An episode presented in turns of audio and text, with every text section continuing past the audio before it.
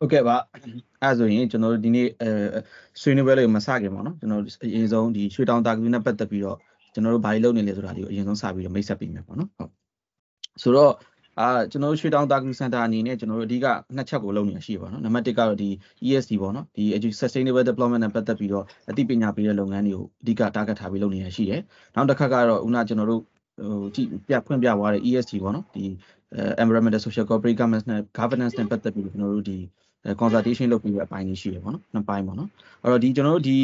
sustainable development နဲ့ပတ်သက်ပြီးတော့ကျွန်တော်တို့ edu for st project လေးပေါ့နော်ဒီ project ကအဓိကမြန်မာပြည်မှာရှိတဲ့လူငယ်တွေကိုဒီ sustainable development နဲ့ပတ်သက်ပြီးတော့အသိပညာပေးတဲ့လုပ်ငန်းတွေပေါ့နော်ဒါတွေကိုကျွန်တော်တို့လှုပ်ဆောင်တဲ့ဟာကိုအဓိကထားနေတာဖြစ်ပါတယ်အဲ့တော့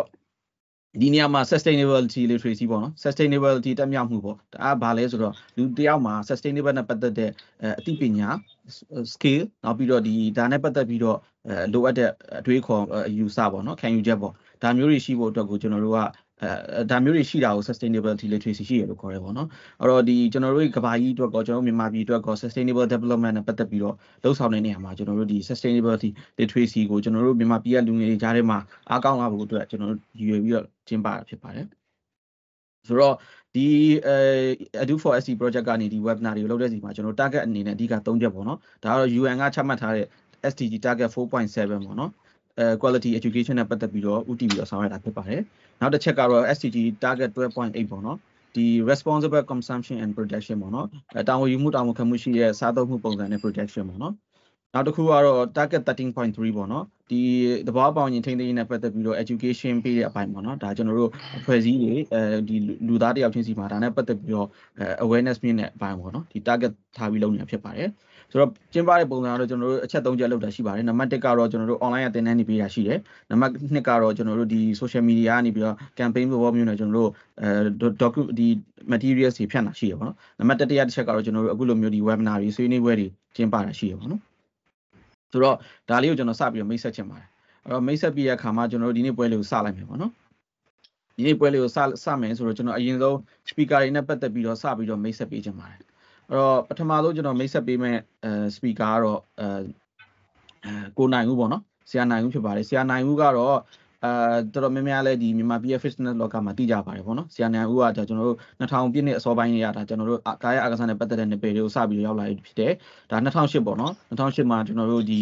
အဲမြန်မာ fitness web စဆိုရဲဒီ fitness.com ကိုစပြီးတော့စပြီးစတင်ပြီးတော့ဆရာကဒီ fitness နဲ့ပတ်သက်တဲ့အသိပညာတွေကိုစတင်ဖြန့်မိခဲ့တယ်ပေါ့နော်ကျွန်တော်မှတ်မိပါတယ်ကျွန်တော်လည်းဆရာနိုင်ဦးနဲ့ကဒါအရင်တော့အိမ်ကြီးချင်းပေါ့နော်ကျွန်တော်တို့ဟိုဟိုအိမ်ဒီဘက်အိမ်နေကြတဲ့လူဆိုတော့ဆရာအဲ့ချိန်စတဲ့အချိန်ကဒါကျွန်တော်တို့ကဘယ်လိုခေါ်မလဲကျွန်တော်တို့10တန်းအောင်ပြီးတော့တက္ကသိုလ်စတက်မဲ့အချိန်ပေါ့နော်2008ပေါ့ကိုနိုင်ဦးပေါ့အဲ့တော့ကိုနိုင်ဦးစပြီးတော့လောက်တာပေါ့နော်ကျွန်တော်မှတ်မိပါသေးတယ်ကိုနိုင်ဦး နောက်တစ်ခါကျတော့ဒီ2014မှာဆိုတော့ဆရာနိုင်ဦးကဒီ Master Professor ဆိုတဲ့ Facebook page ပေါ့နော်ဒါထောင်ပြီးတော့ဆက်ပြီးတော့ဒီ Fitness Academy နဲ့ပတ်သက်တဲ့ online course တွေကိုစပြီးတော့မျှဝေရရှိပါတယ်ပေါ့နော်နောက်တစ်ခါကျတော့ တရားနိုင်ဦးကဒီမြန်မာ Fitness Trainer Association ပေါ့နော် MFT ဆိုပြီးတော့တည်ထောင်ခဲ့ပြီးတော့ Trainer Network ကိုစတင်ပြီးတော့မြန်မာပြည်မှာအဲစတင်ခဲ့တယ်ပေါ့နော်ဒါ Fitness နဲ့ပတ်သက်တဲ့ဒီ Business နဲ့ပတ်သက်တဲ့အဲဈေးကွက်ရှာဖွေတဲ့အပိုင်းတွေလည်းဒါဆရာကသူ့ရဲ့ဒီ Fitness လောကသားကိုမျှဝေပြီးနေရှိတယ်ပေါ့နော်အခုဆိုရင်ဆရာကဒီအဲဒီ social media တွေဖြစ်တဲ့ Facebook တို့ဒီ YouTube တို့ပေါ့နော်ဒါတွေမှာလည်းဒါပုံမှန်ကိုကျွန်တော်တို့အသိပညာပေးတဲ့လုပ်ငန်းလေးတွေဒါ video short video လေးတွေကအစပေါ့နော်ဒါ online သင်တန်းနဲ့ဒီအဲဒီ သင်တန်းပေးတာရှိသလိုဒါ online online ကနေပြီးတော့အခကြေးငွေမယူဘဲနဲ့လာဆရာကဒီသူ့ရဲ့အသိပညာလေးတွေကိုမျှဝေမိတာရှိတယ်ပေါ့နော်အဲ့တော့ကျွန်တော်ဆရာနိုင်ကိုပထမဆုံးမိတ်ဆက်ပေးကြပါတယ်အဲ့တော့ဒုတိယမြောက်ကျွန်တော်မိတ်ဆက်ပေးချင်တာကတော့အဲဒါဒေါက်တာကျော်သူရာဆိုးပေါ့နော်ဒေါက်တာကျော်သူရာဆိုးကတော့ဒီဒေါက်တာကဒီစေးတက္ကသိုလ်နှစ်ရန်ကုန်ကနေပြီးတော့စေးတက္ကသိုလ်ပြီးမြောက်တယ်ပေါ့နော် စေတက်ကတူပြီးမြောက်တဲ့အခါမှာဒါဒီအရင်ဆုံးဒီចောင်းပြီးတာနဲ့ပထမတိရနဲ့ပတ်သက်တဲ့လုပ်ငန်းတွေဒါကိုဗစ်ဒီအရင်ကျွန်တော်တို့အရင်ကိုဗစ်မတိုင်ခင်ကာလတော့ဒီကိုဗစ်ကာလမှာပေါ့နော်ဒါတွေနဲ့ပတ်သက်ပြီးလုပ်ဆောင်နေရရှိတယ်နောက်ပြီးတော့ဒါဆရာကဒီမော်လမြိုင်မြို့မှာပေါ့နော်စွမ်းမီသားသူစေကန်နောက်ရန်ကုန်မှာဟောပေါ့နော်နှစ်ခုလုံးမှာဒီစွမ်းမီသားသူစေကန်ဆိုတဲ့ဟာကိုစတင်တည်ထောင်ပြီးတော့ဒီစေကန်နှစ်ခုပေါ့နော်ရန်ကုန်နဲ့မော်လမြိုင်မှာဒီအဲစေကူသားမှုတွေကိုဒီဆရာရဲ့ဒီအဖွဲ့သားနဲ့အတူပေါ့နော်လှုပ်ဆောင်နေရှိပါတယ် နောက်တစ်ချက်ကတော့ဆရာကဒီအဲသူ့ရဲ့ဒီ professional အနေနဲ့ဒီသမားတော်တယောက်အနေနဲ့စေကူစားမှုအပြင်ကိုဒါပရိုက်တာစေကန်နေဖြစ်တဲ့ဥမာမျက်တီကုသဖြစ်စေကန်မျိုးပေါ့နော်ဒီလိုစေကန်မျိုးတွေမှာလည်းဆရာကနေပြီးတော့ဒီအဲသူ့ရဲ့အဲအချိန်မအားတဲ့ကြားနေလူပြီးတော့ဒီအများပြည်သူတက်ပေါ့နော်အခမဲ့ကျမ်းမာရေးအတွက်လည်းဆောင်ရွက်နေတာရှိပါတယ်နောက်ပြီးဆရာကဒီ live sign နဲ့ပတ်သက်ပြီးတော့နော်ဒီကျွန်တော်တို့ဒီ live sign နဲ့ပတ်သက်တဲ့စာစာအုပ်စာတမ်းတွေရေးသားပြီးတော့ဒါဖြန့်ဝေနေတာဖြစ်ပါတယ်ဒီ health education နဲ့ပတ်သက်ပြီးတော့ပေါ့နော် လောက်ဆောင်နေတဲ့လူတစ်ယောက်ဖြစ်ပါတယ်အဲ့တော့ကျွန်တော်တို့ဆရာတို့တစ်ယောက်လုံးမင်္ဂလာပါလို့မိတ်အဲကျွန်တော်ဒီကနေပဲနှုတ်ဆက်ချင်ပါတယ်ဆိုတော့ကျွန်တော်တို့ဒီနေ့ story ပွဲလေးကိုစလိုက်မယ်ပေါ့နော်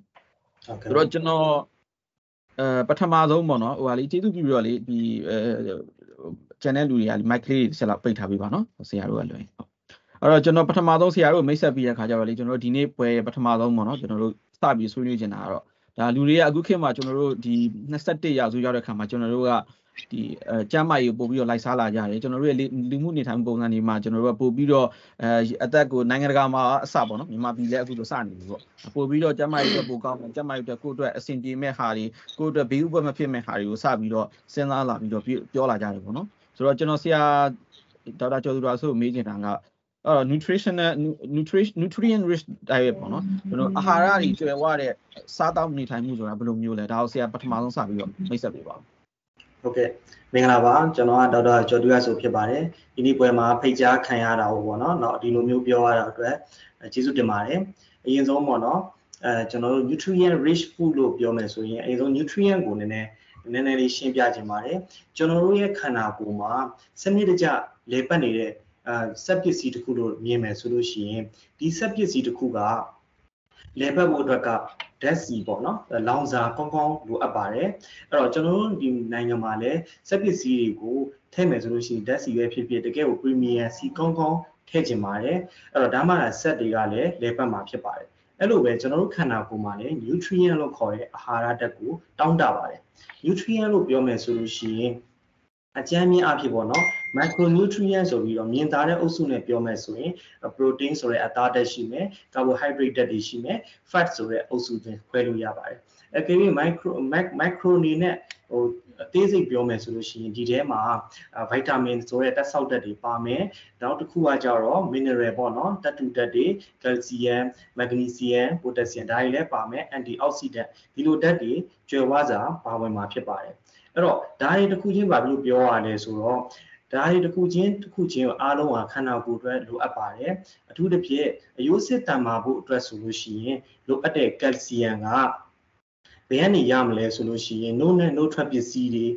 ပဲနဲ့ရုံးတွေဒီနောက်ဘရိုကိုလီပေါ့နော်ဒါမျိုးတွေကနေပြီးတော့မှရရှိမှာဖြစ်ပါတယ် နှလုံးကြွက်သားတွေအတွက်လိုအပ်တဲ့ပိုတက်ဆီယမ်ဆိုလို့ရှိရင်လည်းငပြောသီးတို့နောက်တစ်ခါဟင်းနုနယ်တို့ဟင်းဒီရွက်အချို့နောက်မြေပဲစားတာတွေကနေရရှိမှာဖြစ်ပါတယ်အဲ့တော့ဒီကြွက်သားတွေရဲ့တန်မာမှုရဲ့နောက်တစ်ခုကဒီခွန်အားဖြစ်ဖို့အတွက်မက်ဂနီဆီယမ်ဆိုတာလည်းလိုပါတယ်အဲ့ဒီမက်ဂနီဆီယမ်ကြတော့ဗာတန်ဒီကနေပြီးတော့မှဟင်းဒီရွက်တွေရွက်ပြီးတော့မှအမြောက်များရရှိပါဖြစ်ပါတယ်အဲ့တော့အသားရည်လှဖို့ကိုခန်းကောင်းဖို့ဆိုတဲ့နာမည်ကြီးတဲ့ဗိုက်တာမင်စီကြတော့လေ တဲ့လိမ္မော်ဒီတို့လိုစတော်ဘယ်ရီတို့လိုနောက်တစ်ခုကခရမ်းညင်ဒီတို့လိုဒီအစားအသောက်ကနေရရှိမှာဖြစ်ပါတယ်အဲ့တော့မျက်စိအားကောင်းစေတဲ့ဗိုက်တာမင် A ကြတော့လေမုံလာဥနီတို့လိုကစိုးဥတို့လိုအစားအသောက်ကနေရရှိမှာဖြစ်ပါတယ်စိတ်မကောင်းစွာပဲကျွန်တော်တို့ဒီလိုဒီနေ့ခေတ်လူတွေကပေါ့နော်အရန်ကိုအလုပ်တွေများကြတဲ့အပေါ်မှာ fast food တွေ processed food တွေပေါ်မှာကျွန်တော်တို့ရဲ့ဒီအစားအသောက်တွေကကျွန်တော်တို့ရဲ့အဖို့ဖြစ်လာတယ်ပေါ့နော်အဲ့ဒီ highly processed food တွေက သူတို့ရဲ့တာရှည်ခံမှုအတွက်ကိုအဲဒီဗိုက်တာမင်တွေကိုထုတ်ရပါတယ်ဒါကဖယ်ထုတ်ရတယ်နောက်တစ်ခုကကျတော့ဒီ fiber တွေဖယ်ထုတ်ရတယ် chemical တွေအစားထိုးရတဲ့အတွက်ကြောင့် nutrient value ကကျလာတယ်တကယ်တော့ခန္ဓာကိုယ်မှာလိုအပ်တဲ့ nutrient value ကကြတော့ဒီခန္ဓာကိုယ်က nutrient value ကိုမြင်မာတဲ့ဟိုအစားအသောက်ကိုပဲလိုချင်တာဖြစ်ပါတယ်အဲ့ဒီအစားအသောက်တွေနဲ့ပြန်ပြောရမယ်ဆိုရင်တော့အလွယ်တကူကတော့အိမ်မှာလုပ်တဲ့ homemade အဲအိမ်စာလေးတွေကပဲ diet အတွက် ကောင်းတာဖြစ်ပါတယ်အဲ့တော့နောက်တစ်ခုက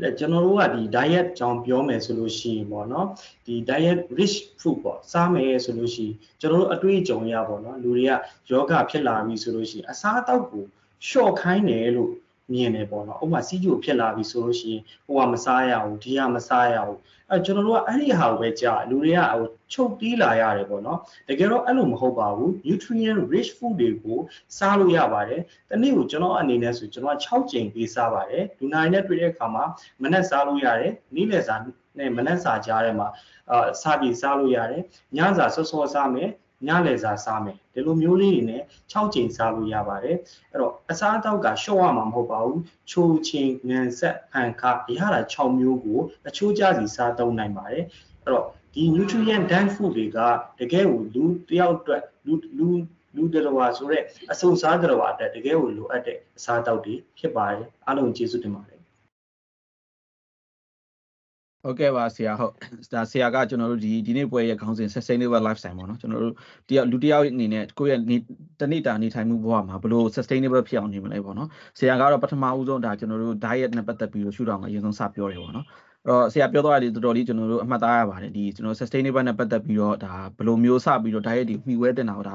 အတူလေးပေါ့နော်ဆရာစပြီးတော့ intro လေးပေးသွားတာပေါ့အဲ့တော့ကျွန်တော်တို့ဟုတ်ပြီ ကျွန်တော်စားတော့စားတော့စားပြီးပေါ့နော်ကျွန်တော်စားပြီးတော့အဲ့ဒီဟာတွေကိုကျွန်တော်ကဒီတိုင်းပဲထားမှာလားစားပြီးတော့ကျွန်တော်တို့ကဒီ sustainable ဖြစ်တဲ့ lifestyle ရဖို့ကျွန်တော်တို့ဒီဟာတွေကိုကျွန်တော်တို့ပြန်ပြီးတော့ခြေဖြတ်ဖို့လိုတယ်ပေါ့နော်ခြေဖြတ်ဖို့လိုတဲ့အခါကျတော့ကျွန်တော်တို့ကဒီကျွန်တော်တို့ lifestyle မှာကျွန်တော်တို့ရဲ့ခုနဆရာပြောသွားတယ်အကုန်လုံးစားလို့ရတယ်ဒါပေမဲ့ limit နဲ့စားဖို့ပေါ့နော်ဆရာပြောသွားတယ်အဲ့တော့ကျွန်တော်တို့ကစားပြီးတဲ့အခါကျတော့ကျွန်တော်တို့ဒီဟာတွေကိုကျွန်တော်တို့ခန္ဓာကိုယ်မှာဘယ်လိုအသုံးချမယ်ပေါ့နော်ကျွန်တော်တို့ခန္ဓာကိုယ်မှာဒီကျွန်တော်တို့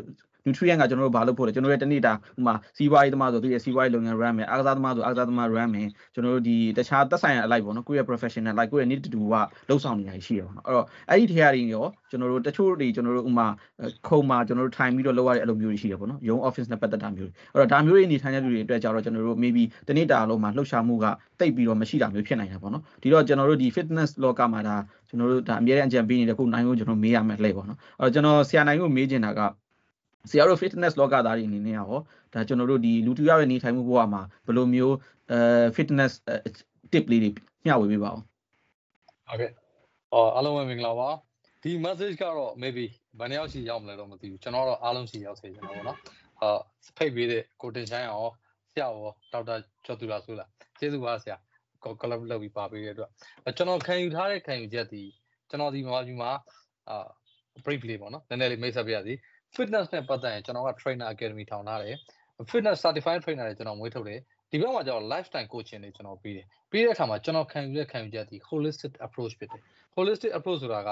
ကျွန်တော်တို့ health fitness performance ဆိုတဲ့ကဏ္ဍ၃ခုနဲ့တွားတယ် health ဆိုတာဥနာဒေါက်တာတို့ရဲ့အပိုင်းပေါ့ဗျာဒါဒေါက်တာတို့တာဝန်ယူရတဲ့အပိုင်း fitness ဆိုတဲ့ကျန်းမာကြံ့ခိုင်မှုကျွန်တော်တို့တာဝန်ယူတယ်ပြီးတော့ performance လူတွေရဲ့နေတဲ့သူကစွမ်းဆောင်ရည်ပြည့်နေဖို့အတွက်အဲကျွန်တော်တို့ကတာဝန်ယူရတာဖြစ်တယ်အဲ့တော့ ကျွန်တော်တာဝန်ယူတဲ့အပိုင်းကိုကျွန်တော်ပြောမယ်ဆိုဒီနှစ်ပိုင်းပေါ့နော်ဟော health နဲ့ sorry fitness နဲ့ performance အဲ့ဒီခါမှာကျွန်တော်တို့ကအရင်ချုပ်လိုက်မယ်ဆိုရင်လူချမ်းမရေးရစားတယ်ပေါ့ပထမဆုံးကျွန်တော်မြန်မာ Google မှာရှာကြည့်မယ်ဆိုရင်တွေ့နိုင်တယ် life expectancy ပေါ့နော်စင်ကာပူနိုင်ငံသားတွေရဲ့ life expectancy ကရေပြီးတော့အပြည့်အမြ83နှစ်လောက်ရှိတယ်ကျွန်တော်မြန်မာလူမျိုးတွေ68နှစ်ပဲရှိတယ်ဒါကဒီ ကျွန်တော်တို့ရဲ့ဒီ webinar ကိုကြည့်နေတဲ့မိတ်ဆွေတို့ awareness ပေးပေးချင်တာပေါ့နော်ပြောချင်တာပါလဲလူဖြစ်တဲ့လူဖြစ်ရတာချင်းအတူတူသူတို့ကကျွန်တော်တို့15နှစ်လောက်အသက်ပိုရှည်ခွင့်ရတယ်ဆိုတာကနည်းနည်းတော့မှားနေလို့မထင်ဘူးလားပေါ့အဲ့ဒီခါမှာကျွန်တော်တို့ဘာတွေလုပ်လို့ရလဲပေါ့ခုနကိုတင်ဆိုင်အောင်ပြောခဲ့တယ်အော်အများစုကဒေါက်တာပြောသူစားလိုက်တယ်အာဟာရပြည့်တဲ့အစားအသောက်တွေစားတောက်တယ်ဒါပေမဲ့အဲ့ဒီကိုပြန်လဲအသုံးမချဘူးဆိုရင်ကျွန်တော်တို့ဒီနေ့ခေတ် lifestyle က sedentary lifestyle sedentary lifestyle ဆိုရင်ယောဂအားလုံး ကုသယောဂမဟုတ်တဲ့ယောဂတွေဖြစ်စေတဲ့အဓိကအကြောင်းရင်းဖြစ်လာတယ် sedentary lifestyle အဲ့တော့ကျွန်တော်အနေနဲ့ activity လုပ်ဖို့လိုပါတယ်ပေါ့နော် activity ဆိုတာရဲ့ exercise ဆိုတာကျွန်တော်နှစ်ခုခွဲခြင်းတယ်ပေါ့ဟောဒီနေ့ webinar မှာအနှစ်ချုပ်လေးပြောရမယ်ဆိုရင်ဟော home workout ဒါမှမဟုတ်ကိုယ့်ရဲ့ office မှာဖြစ်စေအိမ်မှာဖြစ်စေကျွန်တော် body weight နဲ့ပတ်သက်တဲ့ workout တွေလုပ်လို့ရတယ်အနှိမ့်ဆုံးဒီ activity ဒီလမ်းလျှောက်ခြင်းပေါ့ဒါဆရာဝန်တွေက lifestyle modification ဆိုဒီအချက်ကိုပထမဆုံးစအကြံပေးတာပေါ့ဟုတ်ကျွန်တော်အနှိမ့်ဆုံးလမ်းလျှောက်ဖို့အတွက် step 1000ပြည့်ရလားပေါ့ ကျွန်တော်စင်ကာပူနိုင်ငံသားတွေရဲ့ lifestyle ကိုပြန်လေ့လာကြည့်တဲ့အခါမှာသူတို့ကနေ့စဉ် activity အများများတယ်အဲသူတို့ MRT စီးဖို့တွေတွားဖို့တွေလာဖို့တနေ့ကိုခြေလမ်းပေါင်း1000ခွဲ2000 average ရှိဝမ်းနေဖို့ကောင်းတာကျွန်တော်တို့ဖွံ့ဖြိုးတဲ့တိုင်းပြည်ကျွန်တော်နိုင်ငံလူတွေကပို့ပြီးလှုပ်ရှားအောင်ကျွန်တော်ကပို့ပြီးအထိုင်များနေတယ်ကျွန်တော်ကဖုန်းတွေ tracker တွေမှာကြည့်လိုက်မယ်ဆိုရင်ကျွန်တော်ရဲ့ခြေလမ်းဒီပြန်ပြန် step 6000အောက်မှာပဲရှိတယ်အဲ့တော့ကျွန်တော် live experience ဘာကြောင့်ကွာလဲဆိုအဲ့ဒီချက်တစ်ချက်ဒုတိယတစ်ချက်ကျတော့ကျွန်တော်တို့ ဒီကျမ်းမာရေးနဲ့ဒီကျွန်တော် fitness ပေါ့နော်ကြက်ခံရေးကိုလူတွေမြင်တဲ့အမြင်ပေါ့အာမကစားမအာမကစားတော့အားကစားလို့ခေါ်တယ်ပေါ့တကယ်တော့မှားတယ်မဟုတ်ဘူးပေါ့နော်ဟုတ်ကျွန်တော်အနေနဲ့ဆိုရင်နေ့စဉ် activity အနေနဲ့အနှိမ့်ဆုံးလမ်းလျှောက်တာလုပ်တင်တယ် body weight workout တွေလုပ်လို့ရတယ်မိမိ office မှာဖြစ်စေဟောဒီ webinar လေးမတိုင်ခင်မှာပေါ့နော်ကိုတင်ဆိုင်အောင်ပြောထားတယ် outdoor fitness လေးဆိုကောင်းလားပေါ့ maybe အာသွားလာတာအဆင်ပြေတယ်လုပ်လို့ရတယ်ဆိုရင်တော့ကျွန်တော်ရန်ကုန်အတိုင်းအတာနဲ့ပြောရင်ကန်တော်ကြီးပတ်ပြီးလမ်းလျှောက်တာမျိုးတို့ တောင်တက်တဲ့လေ့ကျင့်ခန်းတွေဆိုပါစို့ဒီ activity ပေါ့နော်ရေကူးတာဘောကန်တာ survey နေတာ community sport တွေကျွန်တော်တို့အကုန်လုပ်လို့ရတယ်လုပ်တဲ့အချိန်မှာ benefit ကပါလဲပေါ့ကျွန်တော်ရဲ့ cardiovascular health တွေကောင်းလာမယ် muscle strength တွေတက်လာမယ် mobility flexibility တွေတိုးတက်လာမယ်ကျွန်တော်တို့ရဲ့ mental exercise တစ်ချိန်လုပ်ပြီးသွားတိုင်းမှာကျွန်တော်တို့မှာဒီ endocrine system ကြီးကအများကြီးဟိုဘယ်လိုခေါ်မလဲ accomplishment ဖြစ်တဲ့ feeling ကိုရတယ်အဲ့ဒီအတွက်ကျွန်တော်တို့ဒီစိတ်ပိုင်းဆိုင်ရာလဲ anxiety ကိုပျောက်စေတယ် stress ကိုလျော့ကျစေတယ် happy hormone တွေထွက်တယ်အဲ့ဒီအတွက်လေ့ကျင့်ခန်းလုပ်ခြင်းသူ့ထက်နည်းနည်းနှိမ့်မှဆိုတနေ့သာထိုင်ထလှုပ်ရှားသွားလာတဲ့ activity အဲ့ဒီဟာဒီလူတိုင်းအတွက်လိုအပ်တယ်လို့ကျွန်တော်ဆိုချင်ပါတယ်ကျွန်တော်တို့မြန်မာတွေရဲ့ life expectancy ကိုကြည့်မယ်ဆိုကျွန်တော်တို့အဲ့ဒီအချက်တွေလိုနေရနောက်တစ်ခုကကျန်းမာရေးကြန့်ခိုင်ရေးဒီစွမ်းဆောင်ရေးပေါ့ဒီသုံးခုနဲ့ပတ်သက်တဲ့အခြေခံ knowledge ကျွန်တော်တို့မှာအားနည်းနေတာတွေ့ရတယ်အဲ့ဒီဟာလေးတွေဖြည့်သွားမယ်ဆိုရင်တော့ maybe ကျွန်တော်တို့လည်း အများနည်းတူတက်ရှည်ကျန်းမာနိုင်ပါတယ်လို့ဆိုချင်ပါတယ်ဟုတ်ကျေးဇူးတင်ပါတယ်ဟုတ်ကဲ့ပါဆရာဆရာအခုလိုဆွေးနွေးသွားတယ်ပေါ့နော်ကျွန်တော်တို့ fitness ကကျွန်တော်တို့လူကိုယ့်ရဲ့တနေ့တာနေထိုင်မှုပေါ်မှာဘယ်လောက်အရေးကြီးလဲဆိုတာကျွန်တော်တို့ကသတိမပြုမိကြဘူးပေါ့နော်ဒါဆရာကဒါသတိပြုမိအောင်ကျွန်တော် highlight တွေလုပ်သွားတယ်ပေါ့အဲတော့ကျွန်တော်တို့ဆရာတို့နှစ်ယောက်ကဒါတယောက်ကဒီ health ရှုထောင့်ကပြောသွားတယ်တယောက်က fitness ရှုထောင့်ကပြောသွားတယ်ပေါ့နော်ဒါပေမဲ့ကျွန်တော်တို့ဒီနေ့ကဘာကြီးမှာဒီကိုယ့်အတွက်ကိုယ်ပဲလုပ်ရင်ပြီးပြီလားဆိုတဲ့ဟာကျွန်တော်ထပ်မေးရမယ့်အပိုင်းပေါ့နော် ကျွန်တော်မြန်မာပြည်မှာကတော့ဒါ sustainable နဲ့ပတ်သက်တဲ့ဟာကဒါတော်တော်လေးကိုအသိပညာအားနေသေးရပေါ့နော်ဒါကြောင့်ကျွန်တော်တို့ကလည်းဒါဒီဟာနဲ့ပတ်သက်ပြီးတော့အသိပညာဟိုပို့ပြီးတော့အကောင်းလာစီဖို့ဆောင်ရွက်တာပေါ့နော်အဲ့တော့ဒုတိယတစ်ပိုင်းကကျွန်တော်တို့ကအဲကိုယ့်အတွက်တော့ခုနဆရာတို့ပြောပါပြီနှစ်ယောက်အဲ့ တော့ကျွန်တော်တို့ကကိုယ့်ရဲ့တဏိဌာနေထိုင်မှုဘဝမှာနောက်ထပ်အရေးကြီးတဲ့တစ်ချက်ကကျွန်တော် sustainable ဖြစ်ဖို့ပေါ့နော်ဆိုတော့ကျွန်တော်ဒီနေရာမှာ sustainable ဆိုတဲ့ definition ကိုအရင်ဆုံးဖွင့်ချင်တယ် sustainable ဆိုတာကကျွန်တော်တို့အဓိက pillar ၃ခုရှိရပေါ့နော်နံပါတ်1ကတော့ကျွန်တော်တို့ကဒီ economic ပေါ့နော်လူတူးချင်းဖြစ်စေကိုယ့်ရဲ့စီးပွားရေးလုပ်ငန်းဖြစ်စေကိုယ့်ရဲ့ economic ပို့ပြီးအားကောင်းလာအောင်လုပ်တာပေါ့နော်ပြောမယ်ဆိုရင်တော့ကျွန်တော်စီးပွားရှာတဲ့အပိုင်းပါဗျာနံပါတ်2ကတော့ကျွန်တော်တို့ဒီ social well being ပေါ့နော်ကိုယ့်ရဲ့ social life ပေါ့နော်ဆရာကပြောသွားတယ်ဆိုတာ social နဲ့ပို့ပြီးတော့သက်ဆိုင်နေပေါ့ social well being ဖြစ်ဖို့ပေါ့နော်ဒါကိုယ့်ရဲ့နေထိုင်မှုဘဝမှာကိုယ့်ရဲ့မိသားစုဘဝ ဟိုဒီတာယာဝါပြောဖို့အတွက်ကိုဆောင်ရွက်တာပေါ့နော်နောက်တစ်ခုကတော့ကျွန်တော်တို့ environmental well being ပေါ့နော်ကိုယ့်ရဲ့နေထိုင်မှု environment ကိုကျွန်တော်ကိုထိမ့်သိမ်းဆောက်ရှောက်ရတဲ့အပိုင်းပေါ့နော်ဒီတစ်ခါကျတော့ကျွန်တော်တို့ကအဲကျွန်တော်တို့မြန်မာနိုင်ငံဆိုတာကကျွန်တော်တို့ကမ္ဘာလုံးဆိုင်ရာဒီ UN ရဲ့အချက်လက်တွေရကြည့်မယ်ဆိုရင်ကျွန်တော်တို့မြန်မာနိုင်ငံကကမ္ဘာမှာဒီသဘာဝဘေးအနေနဲ့အဆိုးရွားဆုံးခံရတဲ့နိုင်ငံတွေထဲမှာပါတယ်ပေါ့နော်ကျွန်တော်တို့အင်္ဂလိပ်လိုဆိုရင် disaster prone region လို့ကျွန်တော်တို့ကသုံးတယ်ပေါ့နော်ဟုတ်ပြီအဲ့တော့ကျွန်တော်တို့က ကျွန်တော်တို့နိုင်ငံမှာတစ်တော်ကြီးအများကြီးရှိတယ်အဲကျွန်တော်တို့ရဲ့ဒီအဲဘာကြောင့်ကျွန်တော်တို့က disaster prone ဖြစ်လာလဲပေါ့နော်ကျွန်တော်တို့ဘူပီတွေပြောတာကကျွန်တော်တို့ကသိရမလားအဲဘေးနေရာတော့တော့ကျွန်တော်တို့ကဟို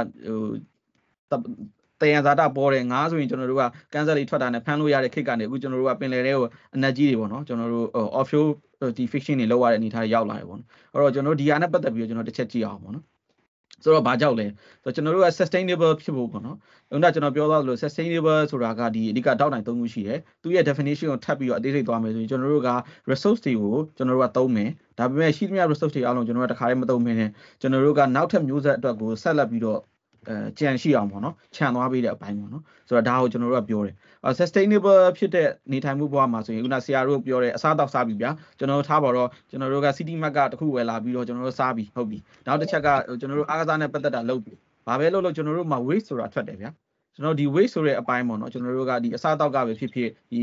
တန်တဲ့ဘာလုပ်ငန်းမဆိုရကျွန်တော်စီးပွားရပြီအကုန်လုံးမှာကျွန်တော် waste ထွက်တယ်အဲ့တော့ကျွန်တော်တို့ကဒီ waste တွေကိုပေါ့ကျွန်တော်တို့က sustainable lifestyle ဆိုတာကခုနလိုကိုကျန်းမာဖို့ကိုချမ်းသာဖို့ကိုစားကောင်းဖို့တခုတည်းမဟုတ်ဘူးပေါ့နော်ကျွန်တော်တို့ကဒီကိုယ့်ရဲ့သဘာဝပတ်ဝန်းကျင်ကိုလည်းပိုပြီးကောင်းမွန်လှုပ်ဆောင်မှုပေါ့နော်ဘာကြောင့်လဲဆိုတော့ကျွန်တော်တို့ကသဘာဝပတ်ဝန်းကျင်ကြောင့်ယောဂဖြစ်တယ်ကျွန်တော်တို့ဒီအဲ natural disaster ပေါ့နော်နောက်ထပ်တစ်ချက်အရေးကြီးတာကကျွန်တော်တို့ biological disaster ပေါ့နော်ဒီဟာကကျွန်တော်တို့တော်တော်များများကဒါကို biological disaster ကိုသိမသိကြဘူးပေါ့နော်အဲ့ဒါကဘာလဲဆိုကျွန်တော်တို့ပြီးခဲ့တဲ့ covid ဖြစ်တယ်ဆိုတာဒါ biological disaster အောက်ထမှာပါတယ်ပေါ့ဗျာကျွန်တော် disaster ရဲ့ခေါင်းစဉ်အောက်မှာပြောနေဆိုရင်အဲ့တော့ကျွန်တော်တို့ covid ဖြစ်တော့ကျွန်တော်တို့ရဲ့နေထိုင်မှု lifestyle နေအရာကျွန်တော်တို့တယောက်နဲ့တယောက်က resistant နေမတူဘူးလေ ဒီမှာဆရာတို့ဆိုတာပိုသိရပေါ့နော်သူတို့စိတ်ကူးခဲ့လို့ဆိုတော့တချို့ဒီကျမ်းမာရေးပို့ပြီးတော့ဆရာ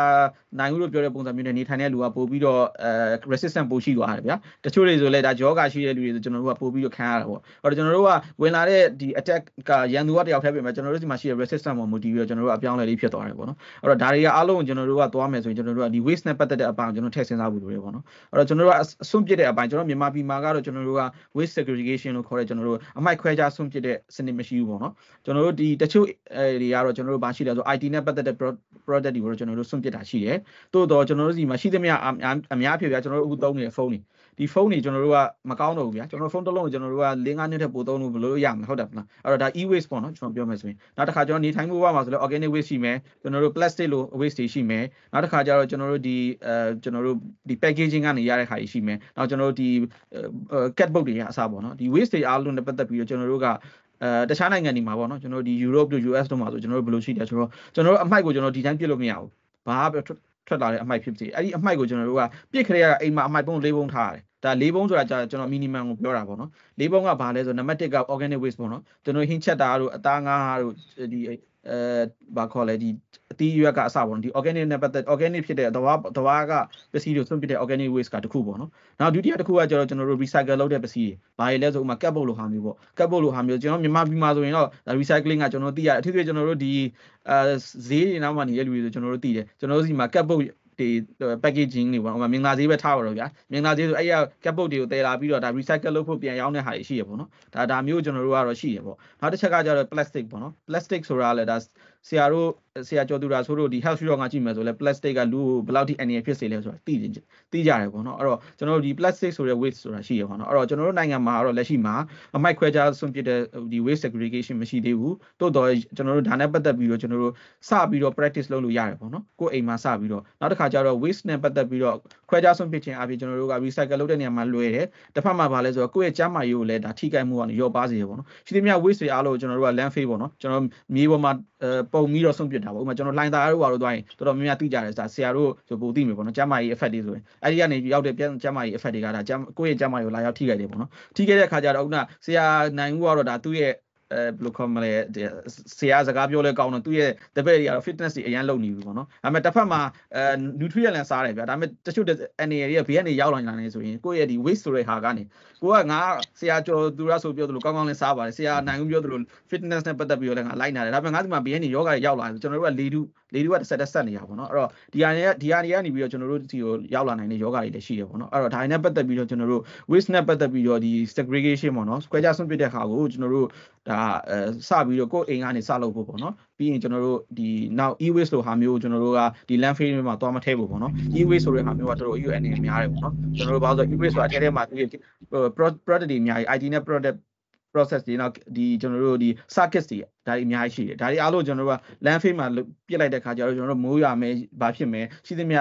နေကြီးထဲမှာရှိတဲ့ဒီကျွန်တော်တို့ရဲ့ ဒီ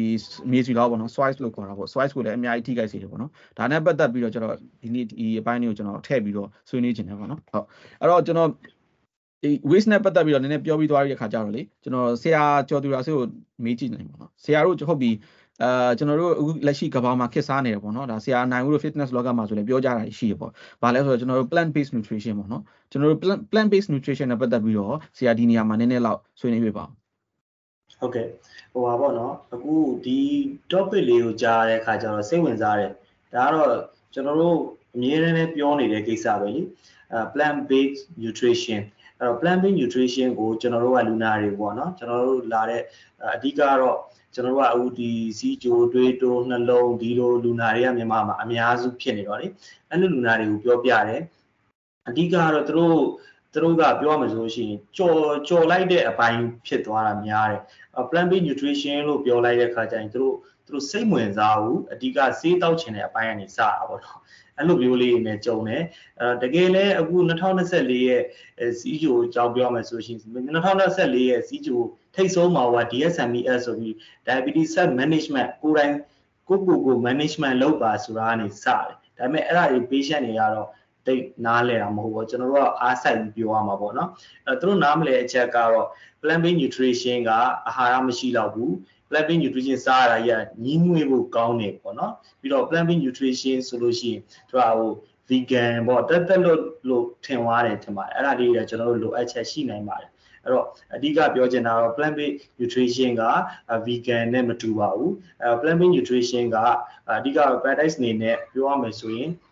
ဒီဟိုပေါ့ပဲမျိုးမျိုးအစစ်အဆန်နေဟင်းနီဟင်းရွက်တတိဝလံဒါတွေကိုအဓိကထားပြီးတော့စားရဖြစ်ပြီးတော့ဒီအသားပေါ့နော်အသားရဲ့ဥနိုးထွက်ပစ္စည်းဒါတွေကို short ချလိုက်တာဖြစ်ပါတယ်။ဒါရဲ့အကျိုးကျေးဇူးကဘာရှိလဲဆိုတော့ကျွန်တော်တခုချင်းပြောပြချင်ပါတယ်။ကျန်းမာရေးကောင်းကျိုးအနေနဲ့နံပါတ်1ပြောမယ်ဆိုအသားကို short ချပြီးတော့အသီးရွက်တွေအသီးနှံတွေကိုများများစားခြင်းအပြင်အသားကနေရလာမဲ့ bad cholesterol ကို short ချပြီးပြီးတော့ cholesterol ကောင်းတာလေးတွေကိုခန္ဓာကိုယ်ထဲမှာရရှိမှာဖြစ်ပါတယ်အဲ့တော့အများပြောသိကြတဲ့အတိုင်းပဲပေါ့နော်။သားစားရင် saturated fat တွေပြေဝစီမပြေဝစီဒါလေးနဲ့ပတ်သက်ပြီးနည်းနည်းပြောချင်ပါတယ်။အဓိကကပြေဝစီဆိုတာကတော့အခန်းပူချိန်မှာပေါ့နော်ခဲနေတယ်ကျွန်တော်တို့ဘယ်လောက်စီတန်းတန့်မဲ့ချက်အမဲသားချက်မယ်ဆိုပါစို့နည်းနည်းတော့ခဲတာပဲဒါအသားခဲကနေအနှဲငယ်တော့ထွက်တော့အစီဖြစ်ပါတယ်အဲ့တော့အခန်းပူချိန်မှာခဲခြင်းဒီခန္ဓာကိုယ်အတွက်မကောင်းစေပါဘူး ခန်းပူချိန်မှာအာ liquid form ဖြစ်နေတဲ့အစီကိုကအနာလည်းစားသုံးအောင်ဖြစ်ပါတယ်အဲ့တော့အဲ့ဒီအခဲနေတဲ့အစီကဘာဒုက္ခပေးလဲဆိုရင် animal product ကထွက်လာတဲ့အစီကအဲ LDL လို့ခေါ်တဲ့ cholesterol ပေါ့နော်တကယ် cholesterol စစ်တော့မယ်ဆိုရင်၄မျိုးစစ်ပါတယ်ခန္ဓာကိုယ်ထဲမှာ total cholesterol triglyceride စစ်မယ် HDL စစ်မယ် LDL စစ်မယ်အဲ့၄မျိုးတွေကမှတကယ်မင်းသားဖြစ်တဲ့ LDL ကခန္ဓာကိုယ်ဒုက္ခအပေးဆုံးဖြစ်ပါတယ်တကယ်နှလုံးသွေးကြောကျဉ်ယောဂနဲ့ လေဖြတ်တာတွေနောက်ဆက်တွဲသွေးကြောပိတ်တာတွေအဓိကတရခံ LDL ဖြစ်ပါတယ်ဒါကြောင့် LDL ကို plant nutrition ကိုစားခြင်းအပြင် LDL ကို short ချနိုင်မယ်လို့ယူဆပါတယ်ဒါတစ်ချက်ပေါ့နော်နောက်တစ်ခုကဘာလဲဆိုတော့စီးကြုံနဲ့ပတ်သက်ပြီးတော့ပြောမယ်ဆိုရင် plant nutrition ကိုစားခြင်းအပြင် plant nutrition မှာပါတဲ့ fiber အမြင်ဓာတ်တွေဒီနောက်ပေါ့နော်သူသူ့ရဲ့ထဲမှာပါတဲ့ complex carbohydrate တွေကြောင့်ခန္ဓာကိုယ်ထဲမှာ digest နှေးသွားစေပါတယ်နှေးတဲ့အခါကျတော့သွေးထဲကို glucose ရောက်တာနှေးတယ်အဲ့ဒီခါမှာ glucose ရောက်တာနှေးတဲ့အတွက်ကြောင့် insulin ထွက်ခြင်းကလည်းနှေးစေပါတယ်ဒါကြောင့်မို့လို့အစာကိုကြကြခံပြီးတော့ဗိုက်စာခြင်းကိုတာစီပေးပါတယ်ဒါနဲ့ပြောင်းပြန်ဖြစ်တဲ့ refined carbohydrate တွေကိုစားလိုက်မယ်ဆိုလို့ရှိရင်တော့ခန္ဓာကိုယ်ထဲမှာအစာချေရလွယ်ကူပြီးတော့တွေးထဲမှာ glucose စောက်တက်ပါတယ်အဲ့ဒီပုံမှာ insulin spike ဆိုတဲ့ insulin ကလည်းအနောက်ကလိုက်ထွက်တဲ့အတွက်ကြောင့်အမြန်ဆန်တဲ့ဒီ process ကြီးပြီးပြီးတော့မြန်မြန်ဗိုက်စားတယ်ခဏခဏဗိုက်စားတယ်ဆိုတဲ့ effect ကိုရရှိပါဖြစ်ပါတယ်ဒါကစီးကြိုနဲ့ပတ်သက်ပြီးပြောတာပါနောက်တစ်ခုကဒီ gut health ပေါ့နော်အဲဒီဥတွင်းကျန်းမာရေးမှာကြတော့ဒီ fiber များတဲ့အသီးရွက်တွေအစိမ်းရောင်ပါတဲ့အသီးရွက်တွေကိုဦးစားပေးပြီးစားမယ်ဆိုလို့ရှိရင်တော့ peristalsis လို့ခေါ်တဲ့ဝန်းရဲ့လှုပ်ရှားမှုဥရဲ့လှုပ်ရှားမှုကို ဟိုဟိုပေါ့နော်တွန်းစီပြီးတော့ constipation ကိုတားဆီးပေးပါတယ်ဒါကြောင့်မို့လို့ဝန်းချုပ်ခြင်းကိုခဏခဏမဖြစ်စေတော့ဘဲနဲ့ဒီရဲ့နောက်ဆက်တွဲဥမာကြီးကင်ဆာတို့ဒီကင်ဆာယောဂါတွေကိုလည်းနှိကွေးစေပါတယ်တားဆီးပေးပါတယ်တခြားသောကင်ဆာတွေနဲ့ပတ်သက်ပြီးတော့ research တွေမှာလည်းဒီ plant based nutrition ကိုစားခြင်းအပြင်ကင်ဆာတချို့ကိုလည်းကာကွယ်တားဆီးပေးပါတယ်နောက်တစ်ချက်ကဒီ nutrient အာဟာရတွေအကုန်လုံးအစုံလင်စားခြင်းအပြင်အဲအုံနောက်ရဲ့မှတ်ဉာဏ်အားတွေဉာဏ်ဆန်ဆန်ဆုံးရှုံးသွားတာတွေဒါတွေအကုန်လုံးအချိန်တိုင်းတာတစ်ခုထိတားဆီးနေပါတယ် cognitive function တွေကိုလည်းဟိုအချိန်တိုင်းတာတစ်ခုထိပေါ့နော် decline ဖြစ်တာကိုလည်းဒါဝယ်တားဆီးပေးပါတယ် ဒါတွေဒီလိုမျိုးပြောနေတဲ့အခါကျတော့လက်တွေ့မှာရောပေါ့နော်လက်တွေ့ practical မှာရောဖြစ်နိုင်လားပေါ့နော်အဲ့တော့အသီးရွက်တွေကိုဈေးမှာသွားဝယ်ရမယ် fast food တွေကိုမစားတော့ဘူးရတဲ့အစားအသောက်တွေကိုမစားတော့ဘူးတကယ်တော့ practical ကြကြစဉ်းစားဖြစ်နိုင်ပါတယ်အချိန်တော့ပေးရမှာဖြစ်ပါတယ်တကယ်တော့အစားအသောက်စားတဲ့ပုံစံအရာပြောမယ်ဆိုလို့ရှိရင်သူက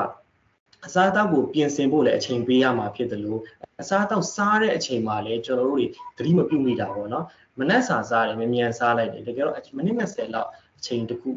ထုတ်ပြီးတော့စားတင်ပါတယ်အဲ့တော့နေ့လယ်စာတွေညစာတွေမှာလည်းသူတို့စာတွေထဲမှာဆိုရင်တော့နေ့လယ်စာကိုအဲနိုင်ဘွက်ထက်မနှဲပေါ့နော်ဇာလေးစားတင်ပါတယ်ကျွန်တော်တို့တကယ်ကိုလုပ်ရတာပေါ့ဒါလေးကျွန်တော်တို့ကအစပြန်ပြင်ရမှာပေါ့နော်အချိန်မရလို့မလုပ်ခဲ့ဘူးဒီရဲ့ process ကခန္ဓာကိုယ်ထဲမှာရှိတဲ့အင်္ဂါတစ်ခုခုချင်းကိုအနှောက်အယှက်ဖြစ်စေပါတယ်ပေါ့နော်အဲဒီ plant based nutrition ကလေပေါ့နော်ဒီကဘာကြီးမှာ အခုကိုတင်ရှင်းအောင်လည်းပြောပါတယ် plant based nutrition ကကဘာကြီးကိုအခုအနှောက်အယှက်ဖြစ်စေတဲ့ဟာတွေ plant based nutrition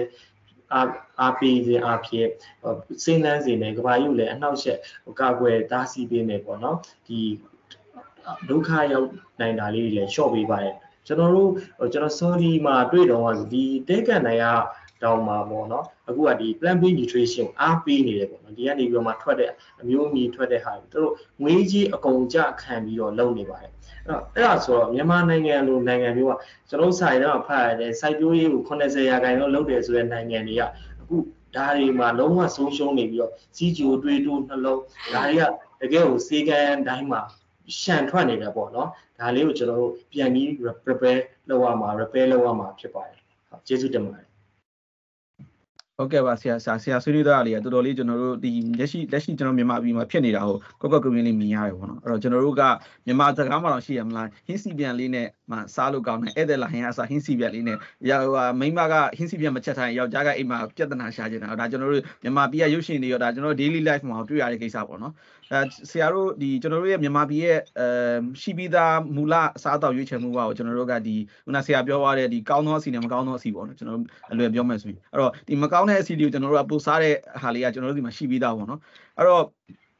ဟုတ်ပြီကျွန်တော်တို့ကဒီအဲဒီဒီကျွန်တော်ယူရိုပမှာရှိတဲ့ Mediterranean diet ပေါ့နော်ကမ္ဘာမှာအရင်နာမည်ကြီးတယ်ကျွန်တော် Mediterranean diet ပေါ့နော် plant based နဲ့ပြောပြောမယ်ဆိုရင်အဲ့တော့သူများနိုင်ငံတွေကကျွန်တော်တို့ကသိရမလားကျွန်တော်တို့မြန်မာနိုင်ငံမှာစီသုံးဝင်တော့အစားကျွန်တော်တို့ကပဲစီတို့ဘာလို့ပို့သုံးတယ်လေဟုတ်တယ်မလားဒီဘက်မှာကြာကျွန်တော်တို့ကတန်လွင်စီပဲတန်လွင်စီပဲတန်လွင်စီဆိုတာဗျကျွန်တော်မြန်မာပြည်မှာဆိုရင်ဒါစီတီမှာတောက်ပဲမလားဈေးကနည်းနည်းလေးမြင့်တယ်ဗျာတာမန်လူအတွက်စားဖို့ကအခုလိုအချိန်မျိုးမှာဆိုပိုခတ်တာပေါ့နော်ဒါပေမဲ့ကျွန်တော်ဒီဘက်မှာကျွန်တော်ကျွန်တော်တန်လွင်စီရဲ့တန်ဖိုးကကျွန်တော်တို့ဘာခေါ်လဲတခြားစီနဲ့တန်ဖိုးအတူတူပဲဒီ ဟိုတန်လွင်စီဗျာတန်လွင်စီ1လီတာကိုဘယ်လောက်ရလဲဆိုရင်ဒီဘက်ဒီဒီဘက်နိုင်ငံတွေမှာဆိုရင်ကျွန်တော်တို့မြန်မာငွေနဲ့တွက်မယ်ဆိုရင်တန်လွင်စီ1လီတာကိုမှမြန်မာငွေ6000 9000ပဲရှိတယ်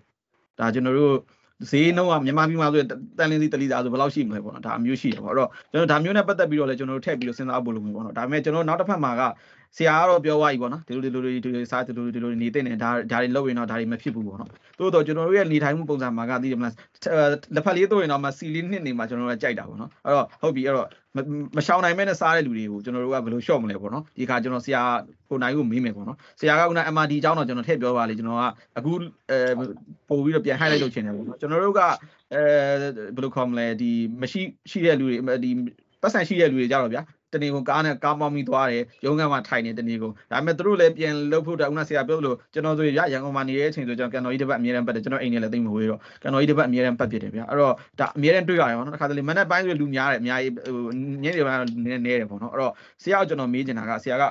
ဒါစင်ကာပူအကြောင်းလည်းခုနပြောသွားတယ်ပေါ့နော်စင်ကာပူဆိုတာကျွန်တော်တို့ပတ်စံအများကြီးချမ်းသာတဲ့နိုင်ငံဗျာအာဆီယံမှာဒီအဲကျွန်တော်တို့ဒီတခုတည်းသော develop country ပေါ့နော်နောက်တစ်ခါကျတော့သူ့ရဲ့ဒီအဲ monthly income ကျွန်တော် GDP တွေကကြည့်မယ်ဆိုတော့ကျွန်တော်မြန်မာပြည်နေက1နဲ့10ပေါ့နော်စင်နိုင်ငံမှာကျွန်တော်က90သူကနံပါတ်1ပေါ့နော်အဲ့တော့ဆရာဆရာမေးပါဦးမယ်ကျွန်တော်တို့ဒီခုနမလျှော့နိုင်မဲ့စားနေတဲ့လူတွေဒါမှမဟုတ်လဲအဲအရင်တုန်းကစားခဲ့တဲ့ဟာတွေကြောင့်အခုလျှော့နေပြီမဲ့လဲဒါအစားတစ်ခုတွေနဲ့တော့ထိလို့မရတဲ့လူတွေပေါ့နော်ဒီဟာကိုကျွန်တော်တို့က fitness နဲ့တွဲထိမှရမယ်ပေါ့နော်အဲ့တော့ဆရာပြောပါအောင်ဒီ active transportation ပေါ့နော်ကျွန်တော်တို့ transportation ကိုကျွန်တော်တို့အသုံးချပြီးတော့ part of the exercise အနေနဲ့ဘယ်လိုအသုံးချမလဲဒါဆရာနဲ့တော့ဆွေးနွေးပြပါဟုတ်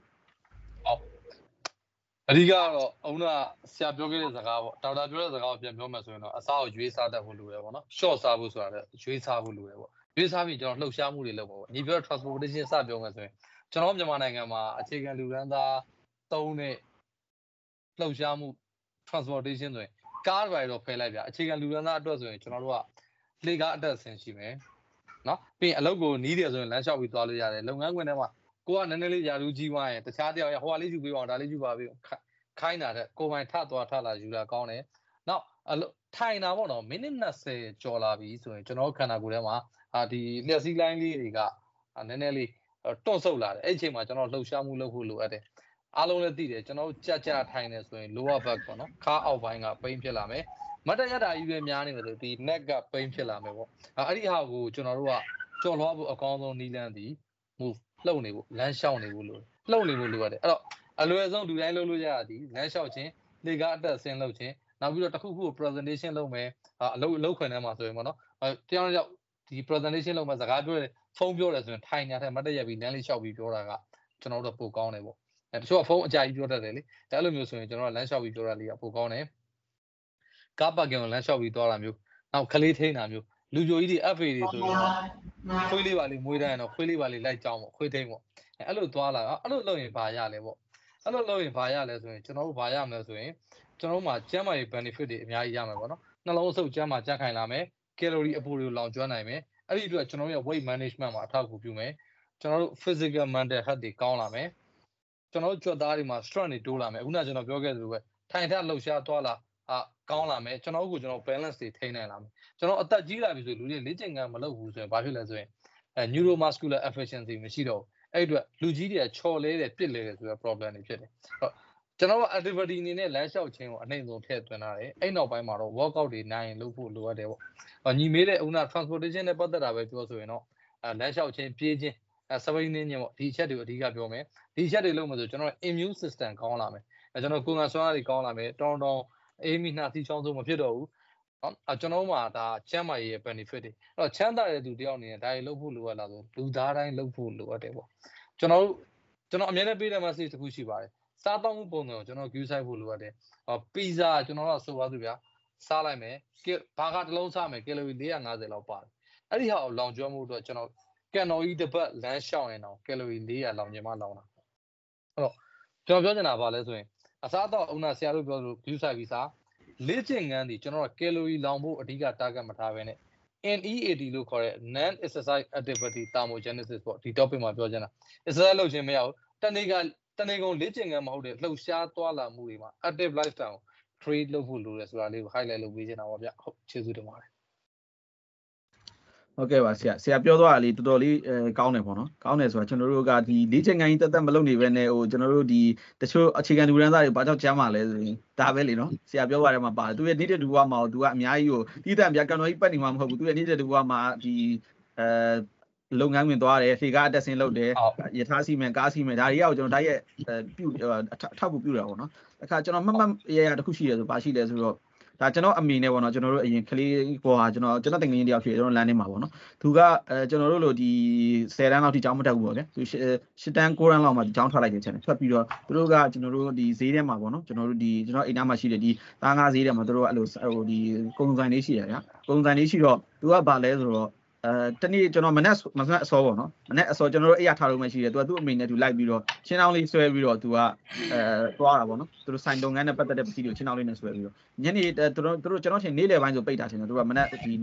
မွန်တက်ဆိုပိတ်တာပေါ့နော်မွန်တက်ပိတ်တဲ့အခါကျတော့ပြန်လာတယ်အဲ့တော့ तू ကအဲ့လိုမျိုးလေးလုံးဝင်းလုံးနေကျွန်တော်တရက်တွေ့တွေ့တော့ तू ကဘယ်လိုဖြစ်နေလဲဆိုတော့မာဆယ်ဒီတောင်တော်တော်များလာနေပြီကျွန်တော်မင်းဟာမင်းကဂျင်းပမာဆော့လဲပေါ့နော်ဆိုတော့ငါဂျင်းဆော့ဝင်မှလေအချိန်မရှိပါဘူးကွာငါငါငါမင်းနဲ့တူလှုပ်လှုပ်ရင်းနဲ့အဲ့တော့ကျွန်တော်စဉ်းစားကြည့်လိုက်တာပါလဲဆိုတော့ဘာမှဟို तू ကတီးတက် exercise တွေမလုပ်ဘဲနဲ့တော့မှသူ့ရဲ့ခန္ဓာကိုယ်ကဒီကိုယ့်ရဲ့စီးပွားရေးလုပ်ငန်းထဲမှာသူအချိန်ပါနေနေနဲ့ဟိုသူ့ရဲ့ခန္ဓာကိုယ်ကပို့ပြီးတော့ကျွန်တော်တို့ချက်ပို့ပြီးတော့ကျမ်းမာတန်ဆွမ်းတာကိုကျွန်တော်ပို့တွေ့ရတယ်ပေါ့နော်ဒါခုနနေတဲ့လူကလုပ်ငန်းစဉ်ထဲမှာမတိမတာနဲ့ကိုယ့်ရဲ့ကျမ်းမာရေးအထောက်အကူပြုနေတာပေါ့နော်နောက်တစ်ခါကျတော့ဆရာတို့နှစ်ယောက်ပြောထားတဲ့ထဲမှာအချက်တစ်ချက်ကျွန်တော်ပေါင်းပြီးတော့ပြောချင်တာပါလဲဆိုတော့ကျွန်တော်တို့ဒီ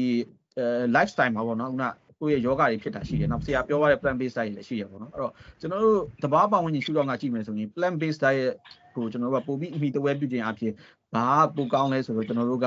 အဲ sustainable ကိုလည်းတိုက်ရိုက်အထောက်အကူပြုတယ်ဗျာ sustainable ဆိုတချို့တွေထင်တာကဘာလဲဆိုတော့ဟိုအပင် site တာကိုပြောတာလားမဟုတ်ဘူးကျွန်တော်တို့အပင် site တာကိုပြောနေတာမဟုတ် sustainable ဆိုတာ sustainable ဆိုတာကိုယ့်ရဲ့နေထိုင်မှု lifestyle မှာခုနကကျွန်တော်ပြောခဲ့တဲ့တောက်တောက်ကြီး၃တောက်ပေါ့နော်အဲ့တောက်ကြီး၃တောက်ကိုကျွန်တော်တို့ကပီလာ၃ခုကိုအပြန်အလှန်ချိတ်ဆက်ပြီးတော့တောင့်ခံတာပေါ့နော်ဒါကိုယ့်ရဲ့ဟာကိုသွားတာပေါ့အဲ့ဒါကိုခေါ်တာအဲ့တော့ကျွန်တော်တို့ဘာကြောင့် sustainable ရှုထောင့်ကနေပြောမယ်ဆို plant based diet ကပိုပြီးထောက်ကူပြုလဲဆိုတော့ကျွန်တော်တို့ကဒီအဲ farming ပေါ့နော် animal farming မှာကျွန်တော်တို့က သုံးရတဲ့ရေပမာဏပေါ့နော်အဲဟိုကျွန်တော်တို့ထားပါတော့ဗျာပြောမယ်ဆိုရင်ဟိုဟာ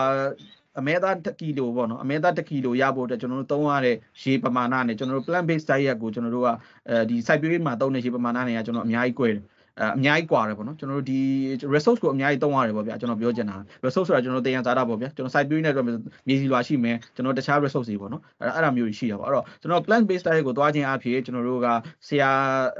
ကျော်သူရာဆိုပြောပါ health shootout ကနေဆိုလဲကျွန်တော်တို့ diet အဆင်ပြေရဗျာနောက်တစ်ခုဖြစ်တဲ့ဆရာတို့ဒီ fitness shootout ကနေဆိုလဲဒါကျွန်တော်တို့ဒီ plant based diet နဲ့ပတ်သက်ပြီးတော့ကျွန်တော်မှတ်မိပါတယ်ဆရာနိုင်ဦးလည်းမှတ်မိမယ်ထင်တယ်ဟိုပါပေါ့နော်ကျွန်တော်တို့အဲ့တုန်းကကျွန်တော်လည်းဗျာဆရာနိုင်ဘူးလို့အဲ့တုန်းကဂျင်ကျွန်တော်တို့အိမ်သားမှာရှိတဲ့ဂျင်ပေါ့နော်အဲ့မှာကျွန်တော်လည်းအဲ့တုန်းကဂျင်မှာကျွန်တော်10တောင်ကစားခြာတိုက်လေးပေါ့ဗျာအဲ့တုန်းကတော့ဆရာနိုင်ဘူးကတော့ကျွန်တော်ထက်နည်းနည်းကြီးတော့သူတို့ကတော့ဒီစပြီးတော့လုပ်ငန်းခွင်စဝင်နေပြီပေါ့အဲ့မှာကျွန်တော်ဂျင်မှာဗာတွေ့တယ်ဆိုကျွန်တော်တို့ဒီ master B တွေနဲ့သွားတဲ့လူတွေပေါ့နော်ကျွန်တော်တို့ဒီ sports အခုဆိုရင်လည်းနာမည်ကြီး professional တွေဖြစ်နေပြီပေါ့ဗျာအဲ့ဒီတုန်းကကျတော့သူတို့စပြီးလေ့ကျင့်တာပေါ့နော်ကျွန်တော်နာမည်တော့မပြောတော့ပါဘူး personal ဆိုတော့အဲ့တော့သူတို့ဆိုဘာဖြစ်လဲဆိုတော့ကျွန်တော်နိုင်ငံတကာကာယဒီအားကစားသမားတွေလို့ဒါ ကျွန်တော်တို့ resource မလုံလောက်ဘူးဗျာသူတို့ကဒီနေရတက်လာတယ်ဒါနဲ့ပတ်သက်ပြီးဆော့ရခါကျတော့သူတို့မှာနိုင်ငံတကာလိုမျိုးစေးမီဝဲတာမျိုးတွေနောက်စေးမီဝဲတာဆိုလဲဒါသူရဲ့စီမင်းစီကန်တွေအများကြီးရှိရဗျဆရာနိုင်ဦးတော့ဒါတိတခြားလေးတိတာပေါ့တချို့ဆေးဆိုပြီးရှောက်တောက်လို့မရအောင်အာသာသမားအနေနဲ့သူတို့တိုင်းမြထားတဲ့ဆေးတွေလည်းရှိရပါတော့အဲ့တော့နောက်တစ်ခါကျတော့သူတို့ကအစားတောက်ပေါ့နော်အမဲသားတွေအဲကြက်သားတွေအစားတော့အသားတွေလည်းကျွန်တော်တို့နိုင်ငံမှာဈေးကြီးရဗျာမစားနိုင်တော့မစားနိုင်တော့ကျွန်တော်မေးတယ်ဟာ ဟိုဟာခင်ဗျားတို့ကဘာစားပြီးတော့ငါတို့ကပဲပဲပဲပဲစားတယ်ပေါ့နော်ပဲရနေပြီးကျွန်တော်တို့ plant based diet က protein ကိုယူတာပေါ့နော်ဒါလည်းကျွန်တော်တို့တွေ့ရတယ်ပေါ့အဲ့တော့ဒီ plant based diet ကကျွန်တော်တို့ဘယ်လိုမျိုးဒီကိုယ့်အတွက်ကောင်းလဲဆိုတာဆရာတို့နှစ်ယောက်ပြောရတာကိုကျွန်တော်ထည့်ပြီးတော့ချိတ်ဆက်လို့ရတာပေါ့နော်နောက်တစ်ခုကျတော့ကျွန်တော် sustainable နဲ့ပတ်သက်ပြီးနည်းနည်းထပ်ပြောမယ်ဆိုရင်ကျွန်တော်တို့က အဲကျွန်တော်တို့ရဲ့ဒီကိုကောင်းမွန်အတွက်ကိုကျွန်တော်တို့လောက်သွားပြီပေါ့နော်ကျွန်တော်တို့ lifestyle မှာကျွန်တော်တို့ကဘာရှိလဲဆိုတော့ကျွန်တော်တို့ဒီကိုယ့်ရဲ့နေတဲ့နေတဲ့တူကမှာကျွန်တော်မြန်မာနိုင်ငံမှာဆိုရင်ကျွန်တော်လျှက်စစ်ပေါ့နော်လျှက်စစ်ကအားလုံးသိရဲစားပြည်တွင်းမှာဆိုကျွန်တော်တို့မီးမမှန်မရဘူးပေါ့နော်မီးမမှန်မရတဲ့ခါမျိုးတွေရှိတယ်အဲ့တော့ဒီဘက်မှာဆိုရင်ကျွန်တော်တို့ဒီဘာလို့လဲဆိုတော့ကျွန်တော်တို့က energy efficiency ဖြစ်မဲ့ကျွန်တော်တို့အသုံးပစ္စည်းကိုအသုံးပြုခြင်းအဖြစ်လဲ sustainable ကိုဓာတ်ရဲ့အထောက်အကူပြုတယ်ပေါ့နော်ဥပမာအဖြစ်ဆိုဘယ်လိုလဲဆိုတော့ကျွန်တော်တို့ကဒီအဲဥပမာ public နဲ့ပတ်သက်တဲ့ place တွေပေါ့နော်ဥပမာကျွန်တော်တို့ဘယ်လိုခေါ်မလဲ ဒီ public shopping mall တခုထားပါတော့ shopping mall တခုကအိမ်သာအိမ်သာပေါ့ဗျာအိမ်သာရဲ့မှာရှိရလျှက်စစ်မီးပေါ့ကျွန်တော်တို့ကဒီမြန်မာပြည်မှာဆိုရင်အင်တာနက်ဝင်လိုက်တဲ့လူကလင်းထိန်နေတယ်လေအများနဲ့မီးရရှိနေတယ်ကျွန်တော်တို့ဒီဘက်နိုင်ငံတွေမှာဆိုရင်ဒါဘာရှိလဲဆိုတော့အဲအိမ်သာထဲဝင်သွားရင်ကိုကဝင်လာတော့မှသူကစင်ဆာနဲ့မီးရလင်းသွားတယ်ပြောချင်တာက energy ဟိုပို့ပြီးတော့ efficient ဖြစ်အောင်လုပ်ထားတာပေါ့နော်နောက်တစ်ခါကျတော့ကျွန်တော်တို့ဒီဒီဘက်နိုင်ငံတွေမှာဘာရှိလဲဆိုတော့ဘာသာရေးစောက်နေပေါ့နော်ကျွန်တော်ဒီဘက်မှာတော့ဒီကျွန်တော်တို့ ဒီ charge တွေရှိမယ်နောက် beli ဒီဘာတွေလည်းရှိရပေါ့နော်အဲ့တော့အဲ့ဒီထဲမှာသွားမယ်ဆိုတော့ကျွန်တော်ဘာတွေ့ရလဲဆိုတော့ twilight တွေကအားလုံးဒီ energy efficiency ဖြစ်အောင်ပေါ့နော်သူရဲ့ဒီ list နဲ့ပတ်သက်ပြီးတော့ဟိုပို့ပြီးတော့ sustainable ဖြစ်အောင်အထောက်အကူပြုအောင် list မီသုံးဆွဲတာအစားကျွန်တော်တို့ဒီ sensor ရှိတဲ့ဟာမျိုးတွေထည့်ပြီးသုံးနေပေါ့နော်အဲ့တော့ကိုယ့်ရဲ့ needed to မှာကိုယ့်ရဲ့ကျွန်တော်တို့ carbon footprint ပေါ့နော် carbon footprint ဆိုတာကတော့လူတစ်ယောက်ကတစ်နှစ်တာအတွင်းမှာ carbon dioxide ပေါ့နော်ဓာတ်ငွေ့ထုတ်လွှတ်မှုတဘာဒီလေထဲပဲထားပါတော့ကျွန်တော်အလွယ်ပြောမှဆိုရင်ဘယ်လောက်ထုတ်လွှတ်လဲဆိုတော့ကျွန်တော်တိုင်းနဲ့ဟာရှိတယ်ပေါ့ဗျာ ကျွန်တော် carbon footprint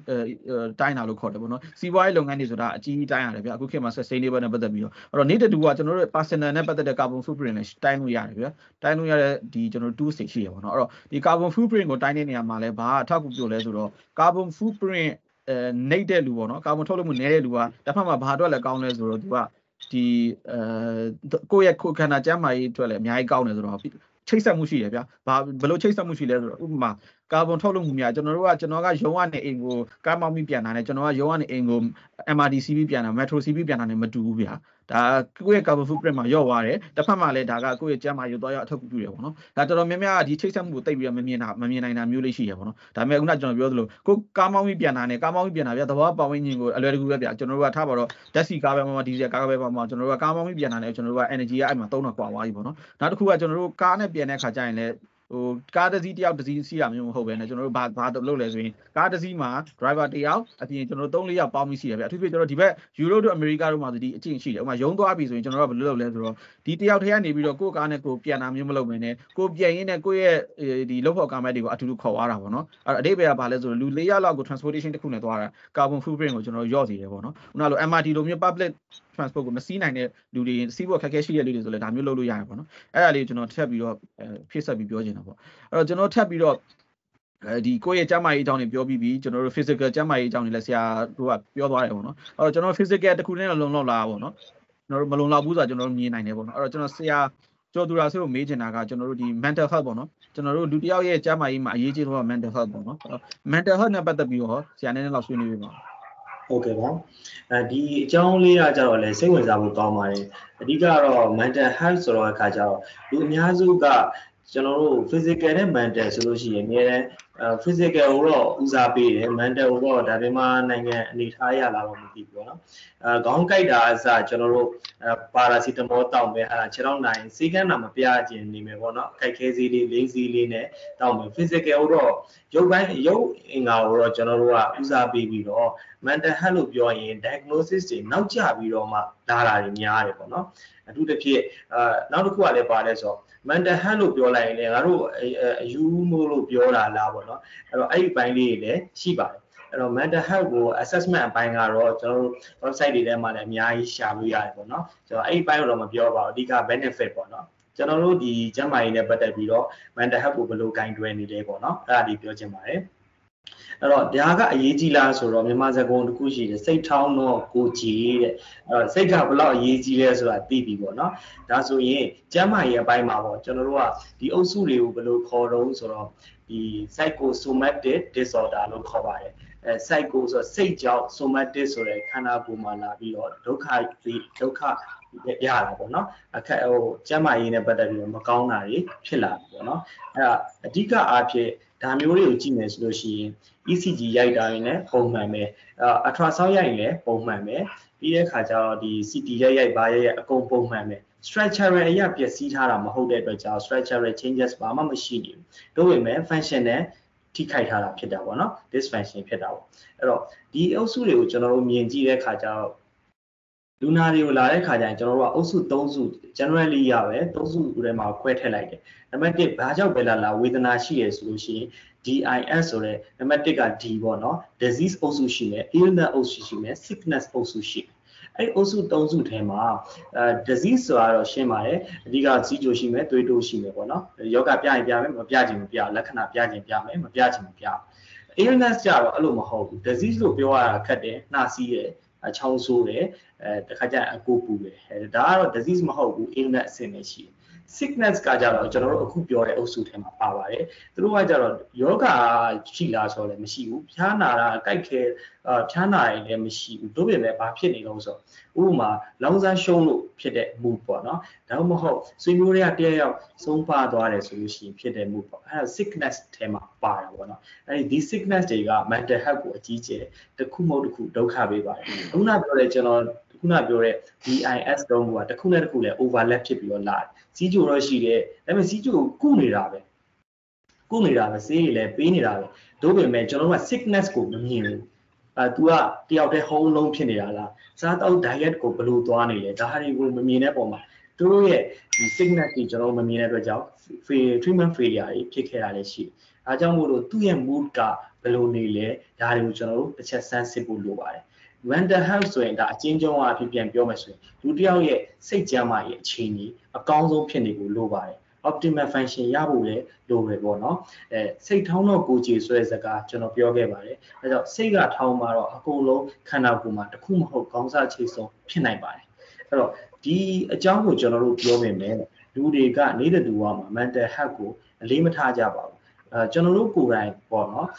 တခါတခါကျအသက်ပြင်းပြင်းအသက်ရှူဖို့ deep breathing ကိုအသက်ပြင်းပြင်းရှူဖို့မေ့နေကြတဲ့အချိန်ရှိတယ်။တကယ်တော့အသက်ရှူခြင်းကကျွန်တော်တို့ဘယ်လောက်အရေးကြီးလဲ။တို့ပေမဲ့အသက်ရှူခြင်းကိုကျွန်တော်သတိထားပြီးတော့မရှူကြမိဘူးပေါ့နော်။ဒါကြောင့်မို့လို့ဒါတွေကိုမေ့နေကြတယ်ပေါ့။ဒါနဲ့ပတ်သက်ပြီးတော့အခုနပြောသလို mental health နဲ့ပတ်သက်ပြီးကျွန်တော်က assessment ဘိုင်းကတော့ကြိုက်တဲ့ website ကရှာကြည့်လို့ရတယ်။ကိုက mental health အခြေအနေဘယ်လိုရှိလဲဆိုတာအဓိက concept လေးကိုကျွန်တော် control အပိုင်းလေးနည်းနည်းပြောချင်ပါတယ်။အဓိကကတော့ကျွန်တော် ဒီပေါ့နော်အဲခန္ဓာကိုယ်မှာဒီ EQ နဲ့ပတ်သက်ပြီးတော့ပေါ့နော် self awareness ရဖို့လိုပါတယ်ဒါပေါ်မှာ self control လည်းရဖို့လိုပါတယ်ပေါ့နော်ဒါကိုယ့်ရဲ့အပိုင်းမှာအရေးကြီးဆုံးအပိုင်းဖြစ်ပါတယ် self awareness ကကြတော့ emotional awareness ပေါ့နော်ဒါအခုခန္ဓာကိုယ်မှာကိုကဘာမှုဖြစ်နေရလဲအခုလက်ရှိမှာကျွန်တော်တို့အဲစီးပွားရေးအခြေအနေမကောင်းတာလားဒါမှမဟုတ်ကိုကိုယ်တိုင်ပဲဖြစ်နေတာလားဒီအခြေအနေအကုန်လုံးကိုကိုယ်တိုင်သိဖို့လိုပါတယ်ဟော ဘာဟိုကိုကိုယ်တိုင်လည်းမသိရင်တော့မှသိအောင်ဖော်ထုတ်ဖို့လိုအပ်ပါတယ်အဲ့တော့အဲ့လိုမျိုးမသိရင်ဘာဖြစ်လဲဆိုတော့အတွေးတွေစကြောင်လာတယ်အတွေးတွေကြောင်လာရင်လုံးပုံကိုင်းပုံလည်းကြောင်တောင်တောင်ဖြစ်လာအဲ့တော့အဲ့ရမှာ result တွေပါကြောင်တောင်တောင်ဖြစ်လာတတ်ပါတယ်ဒါကြောင့်မို့လို့ emotional နဲ့ပတ်သက်ပြီးတော့ awareness ကိုကိုကိုရှိဖို့လည်းလိုပါတယ် ဒါပေါ်မှာလည်း emotion နဲ့ပတ်သက်ပြီးတော့ mood ကတစ်ခုခုပေါ်မှာရှိနေတယ်သိပြီဆိုလို့ရှိရင်လည်း emotion နဲ့ပတ်သက်ပြီးတော့ control ရအောင်လုပ်ဖို့လိုပါတယ်ဒါနဲ့ပတ်သက်ပြီးတော့ stress control အကြောင်းလေးပြောချင်ပါတယ် stress ကကြတော့ခန္ဓာကိုယ်မှာအမြဲတမ်း stress ရှိပါတယ်ကျွန်တော်တို့အခုစကားပြောနေတာလည်း stress ရှိနိုင်ပါတယ်အဲ့တော့လက်ချင်းနေမဆို stress ရှိပါတယ် stress ကကောင်းတဲ့ stress ရှိတယ်လို့မကောင်းတဲ့ stress ရှိတယ် ခန္ဓာကိုယ်မှာ stress ရှိအောင်လုပ်ပြီးတော့မှပြောလိုက်ရတဲ့အခြေအနေအခုဆိုပါတော့မီးလောင်တဲ့အချိန်မှာထွက်ပြေးလိုက်ရတဲ့ stress ကလည်းဒါ stress ပါပဲဒါပေမဲ့ကောင်းတဲ့ stress ပေါ့နော်ဒါ use stress လို့လည်းခေါ်ပါတယ်အဲ့လိုမဟုတ်ဘူးခန္ဓာကိုယ်မှာအဲဆံဝဲဖြေရတော့မယ်တော့မဟုတ်တခြားနေရာသွားရတော့မယ်မသွားဘူးဟိုကိုယ့်ကိုတင်းခံတာတဲ့ distress ဆိုတဲ့အခြေအနေတွေလည်းရှိပါတယ်ဒီလို distress ဆိုတဲ့အခြေအနေတွေလည်းကြုံရတဲ့ဒါကတော့မကောင်းတဲ့ stress ပေါ့နော်ဒီ stress တွေကြတော့ကျွန်တော်တို့က control လုပ်ရမှာပေါ့နော် ဒါနဲ့ပတ်သက်ပြောမယ်ဆိုရင်စိတ်ပိုင်းဆိုင်ရာဟိုနာဆရာနိုင်ဦးလို့ပြောတယ်လို့မျိုးပေါ့နော်ကျွန်တော်တို့ကအမြဲတမ်းပိတ်မိနေတဲ့အခြေအနေမှာရှိနေတယ် sedentary lifestyle မှာရှိနေတယ်လက်ကျင့်ကန်းလေးလုပ်မလားအသက်လေးဝဝရှူလိုက်မလားအပြင်းပြေတငယ်ချင်းတယောက်နဲ့စကားပြောလိုက်မလားသို့မဟုတ်ကိုယ်တိုင်တယောက်တည်းအနေနဲ့ဒီအသက်ဟိုတစ်ကနေ30ရီတာပဲဖြစ်ဖြစ်တခြားကိုကိုကို congratulation တခြားကိုကိုကိုကိုဟိုကိုလောက်ခဲ့အရင်က ဂုဏ်ယူစရာတွေကိုပြန်တွေးတာပဲဖြစ်ဖြစ်ဒါမျိုးလေးတွေနဲ့ stress ကို overcome လုပ်ဖို့လိုပါတယ်အဲ့တော့ဒီ mental health ကဘယ်လောက်ထိအရေးကြီးလဲဆိုရင်အဲမြန်မာစကားပုံတစ်ခုနဲ့ကျွန်တော်ဟိုညီကုန်းချုပ်ချင်ပါတယ်ပညာစွမ်းချွမ်းလို့ချွမ်းကတ်တော့အုပ်ဆိုတတတိကိုတမတောင်တမန်ဉာဏ်ကိုမြေကတုတ်လဲလို့ကာဝယ်ထိန်းချုပ်ထားပြီးပညာစွမ်းပညာဤချင်းနဲ့ထိန်းချုပ်နိုင်မှလူလူရဲ့ ရုပ်ကောနံရောမှာပြီး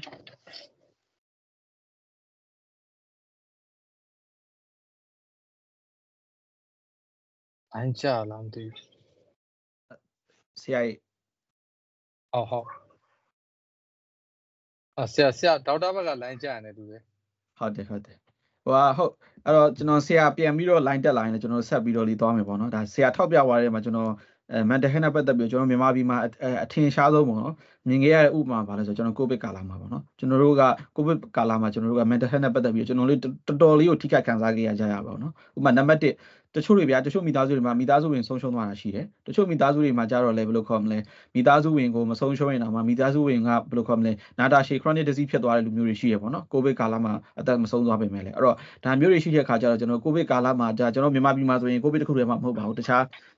ဘက်ပေါင်းစုံကနေကျွန်တော်တို့အခုချိန်မှာဆိုကျွန်တော်တို့ကပြဿနာတွေရှိရပေါ့ဗျရှိတဲ့အခါကျတော့ကျွန်တော်တို့ကအားလုံးမှာအဲမြန်မာပြည်မှာမြန်မာလူမျိုးမှန်အားလုံးမှာကျွန်တော်တို့စီမှာအတော့ကတွေရှိရပေါ့ဗျလောလောဆယ်ရှိနေမှာအဲ့တော့ဒါတွေအားလုံးကကျွန်တော်တို့ခုနပြောတဲ့ mental health ကိုပေါ့နော်ဒါရိုက်ထိခိုက်စေတယ်ပေါ့နော်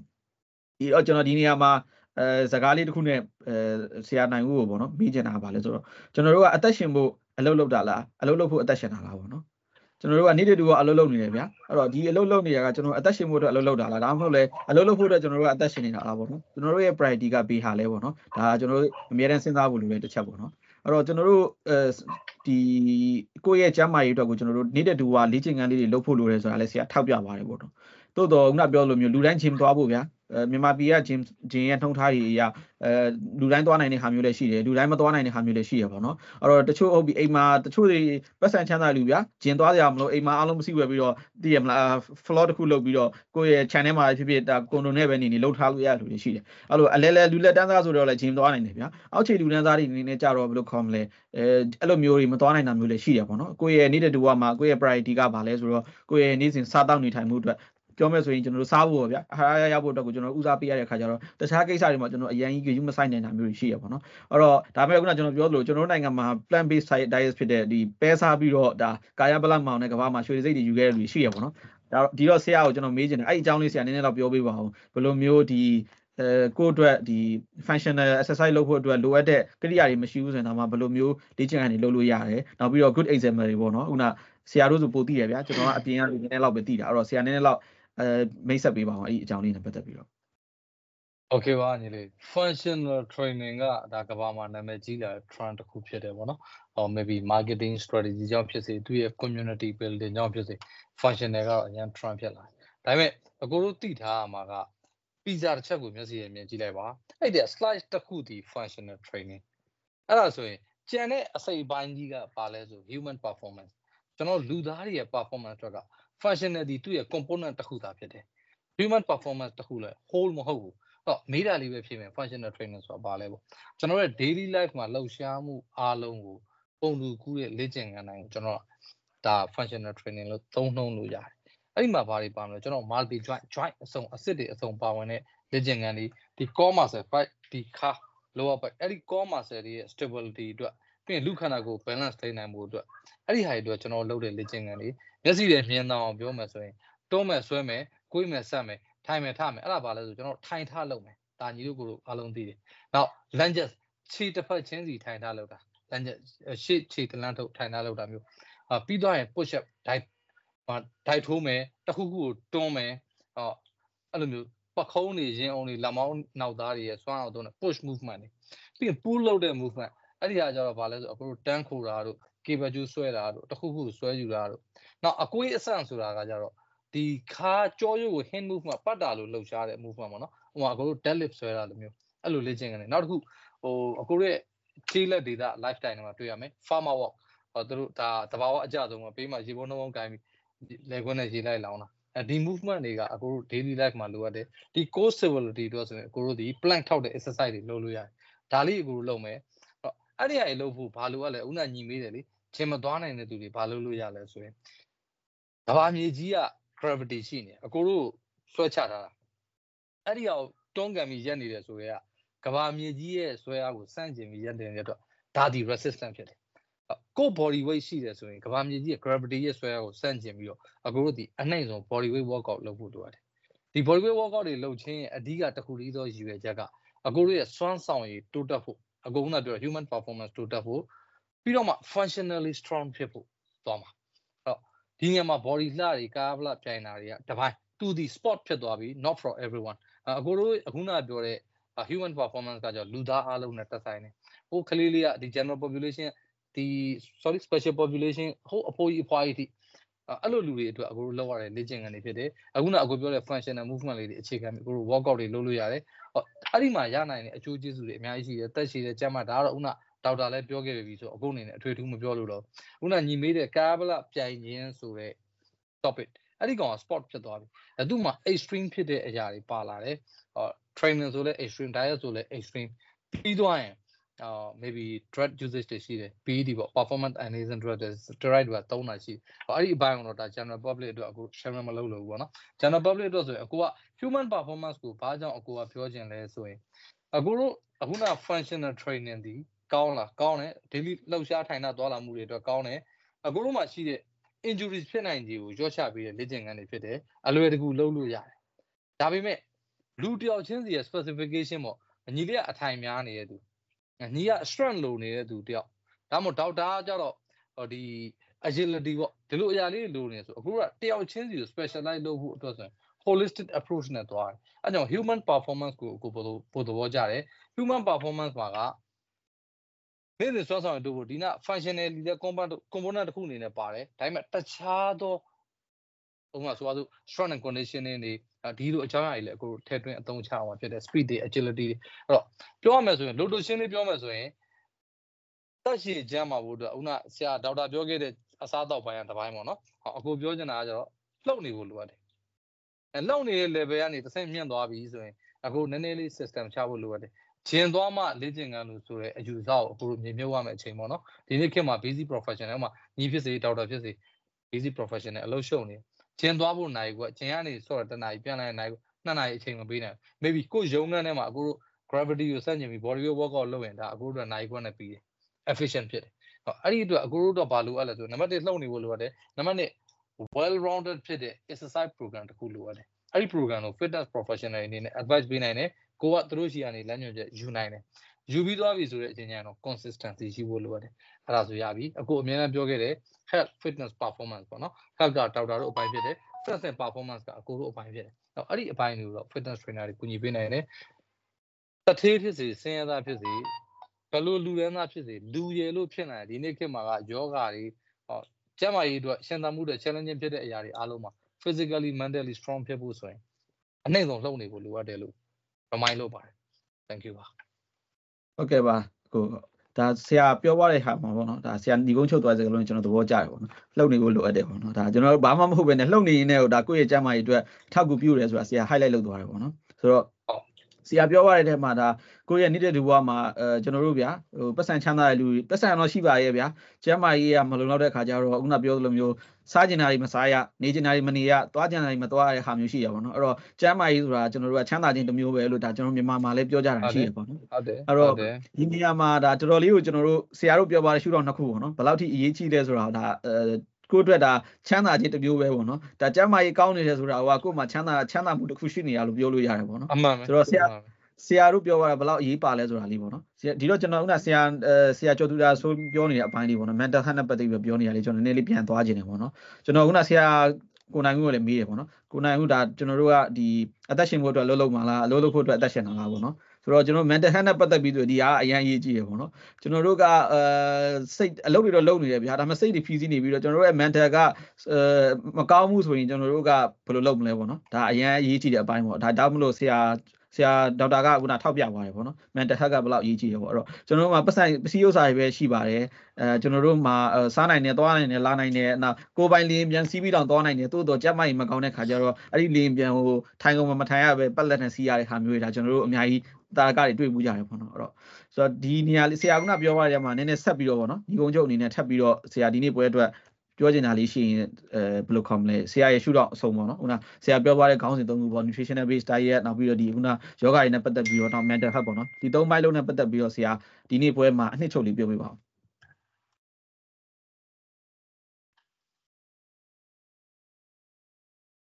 အဲဆရာ mute ထားတယ်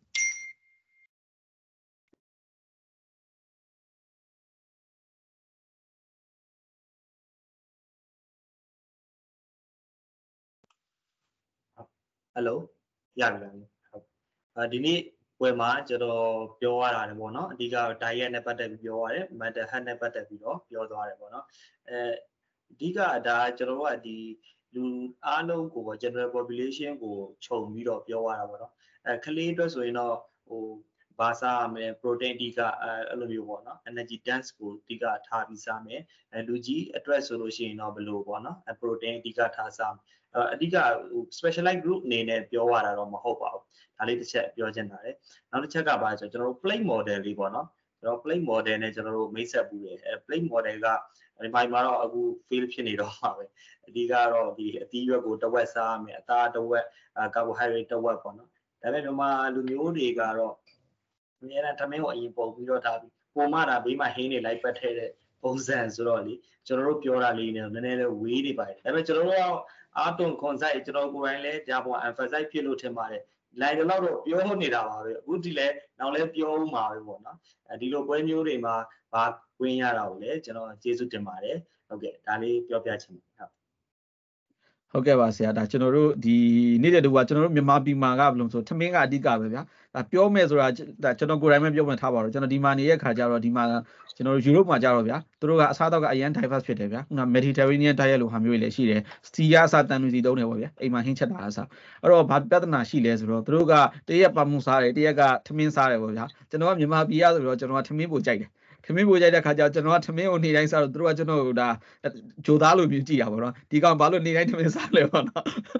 သူတို့ကျွန်တော်မေးဟာမင်းကဘာလို့ထမင်းကိုနေတိုင်းစားမင်းကမနေ့လည်းထမင်းစားတယ်ညလည်းထမင်းစားတယ်ဒါပမာဏများတာနေတော့မဟုတ်ဘဲနဲ့ထမင်းဆိုတဲ့ဟာတစ်ခုတည်းကိုနေတိုင်းစားကျွန်တော်ပြောတယ်ဟုတ်တယ် ဒါငါတို့ရဲ့ diet မှာကဒါငါတို့ကထမင်းကအရင်အရေးကြီးတယ်ပေါ့နော်ငါတို့ကစပားတွေအများကြီးစိုက်တယ်စိုက်သမျှစပားငါတို့စားတယ်ငါတို့ရဲ့အကုန်ထိုင်စားတဲ့လူမျိုးနိုင်ငံမျိုးပေါ့နော်အဲ့လိုမျိုးဆိုတော့ဒါကျွန်တော်တို့ရဲ့နေ့နေ့တူတူကဒီဘဝမှာကိုကျွန်တော်ကထမင်းကိုကျွန်တော်တို့ကအရင်အားပြရတယ်ပေါ့နော်ထမင်းဆိုတာလည်းသိတဲ့အတိုင်းပဲပမာဏများလေများလေဒါဘယ်လိုဖြစ်မလဲဆိုတော့ကိုယ့်ရဲ့ဒီခန္ဓာကိုယ်မှာသွားပြီးတော့ဒီ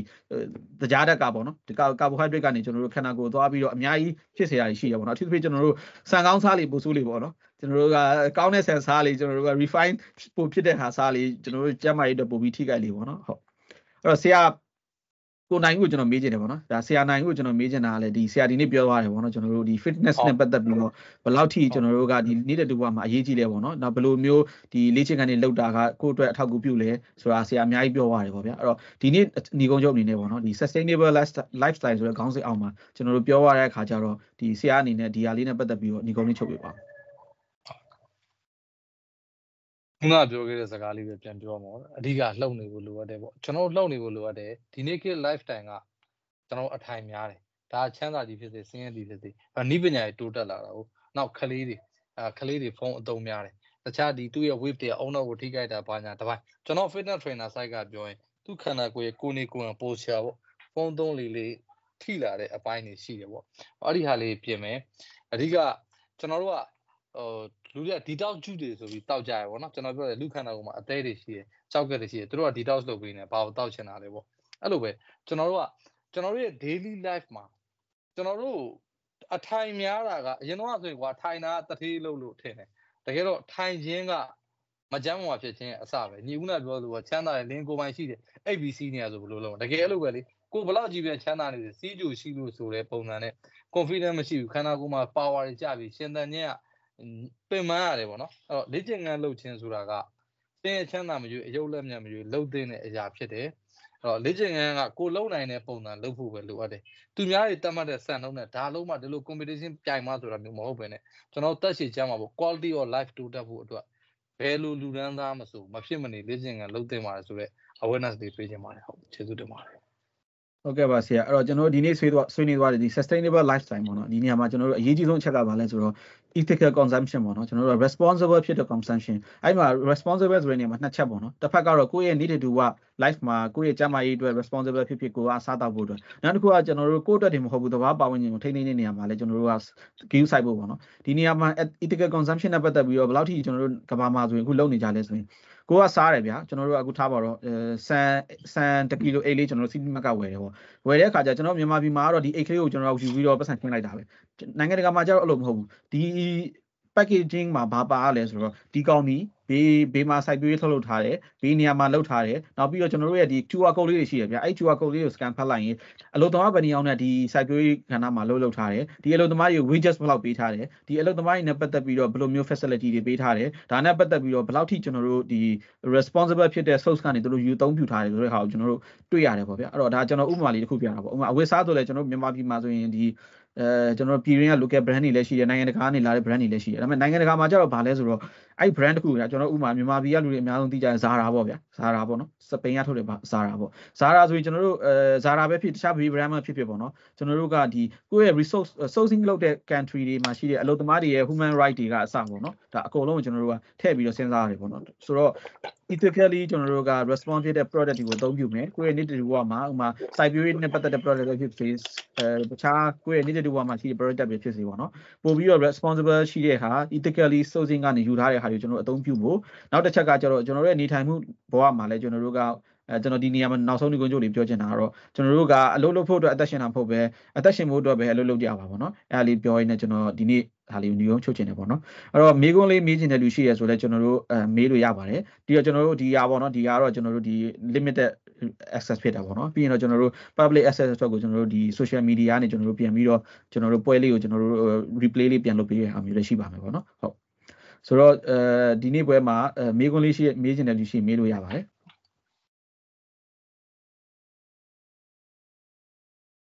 ဟုတ်ကဲ့ပါအဲ့တော့ဒါမေကွန်မေးမဲ့လူမရှိဘူးဆိုတော့ကျွန်တော်ဒီနေ့ပွဲကိုဒီနေ့ဒီလောက်နေပဲဒီကုန်းချုပ်လိုက်ပါတယ်ဗောနော်အဲ့တော့ဒီနေ့ပွဲမှာကျွန်တော်တို့ဒီရွှေတောင်တာကူစင်တာကလုပ်တဲ့ဒီ sustainable lifestyle နဲ့ပတ်သက်တဲ့ဒီ topic လေးကိုဗောနော်ပါဝင်ဆွေးနွေးပေးတယ်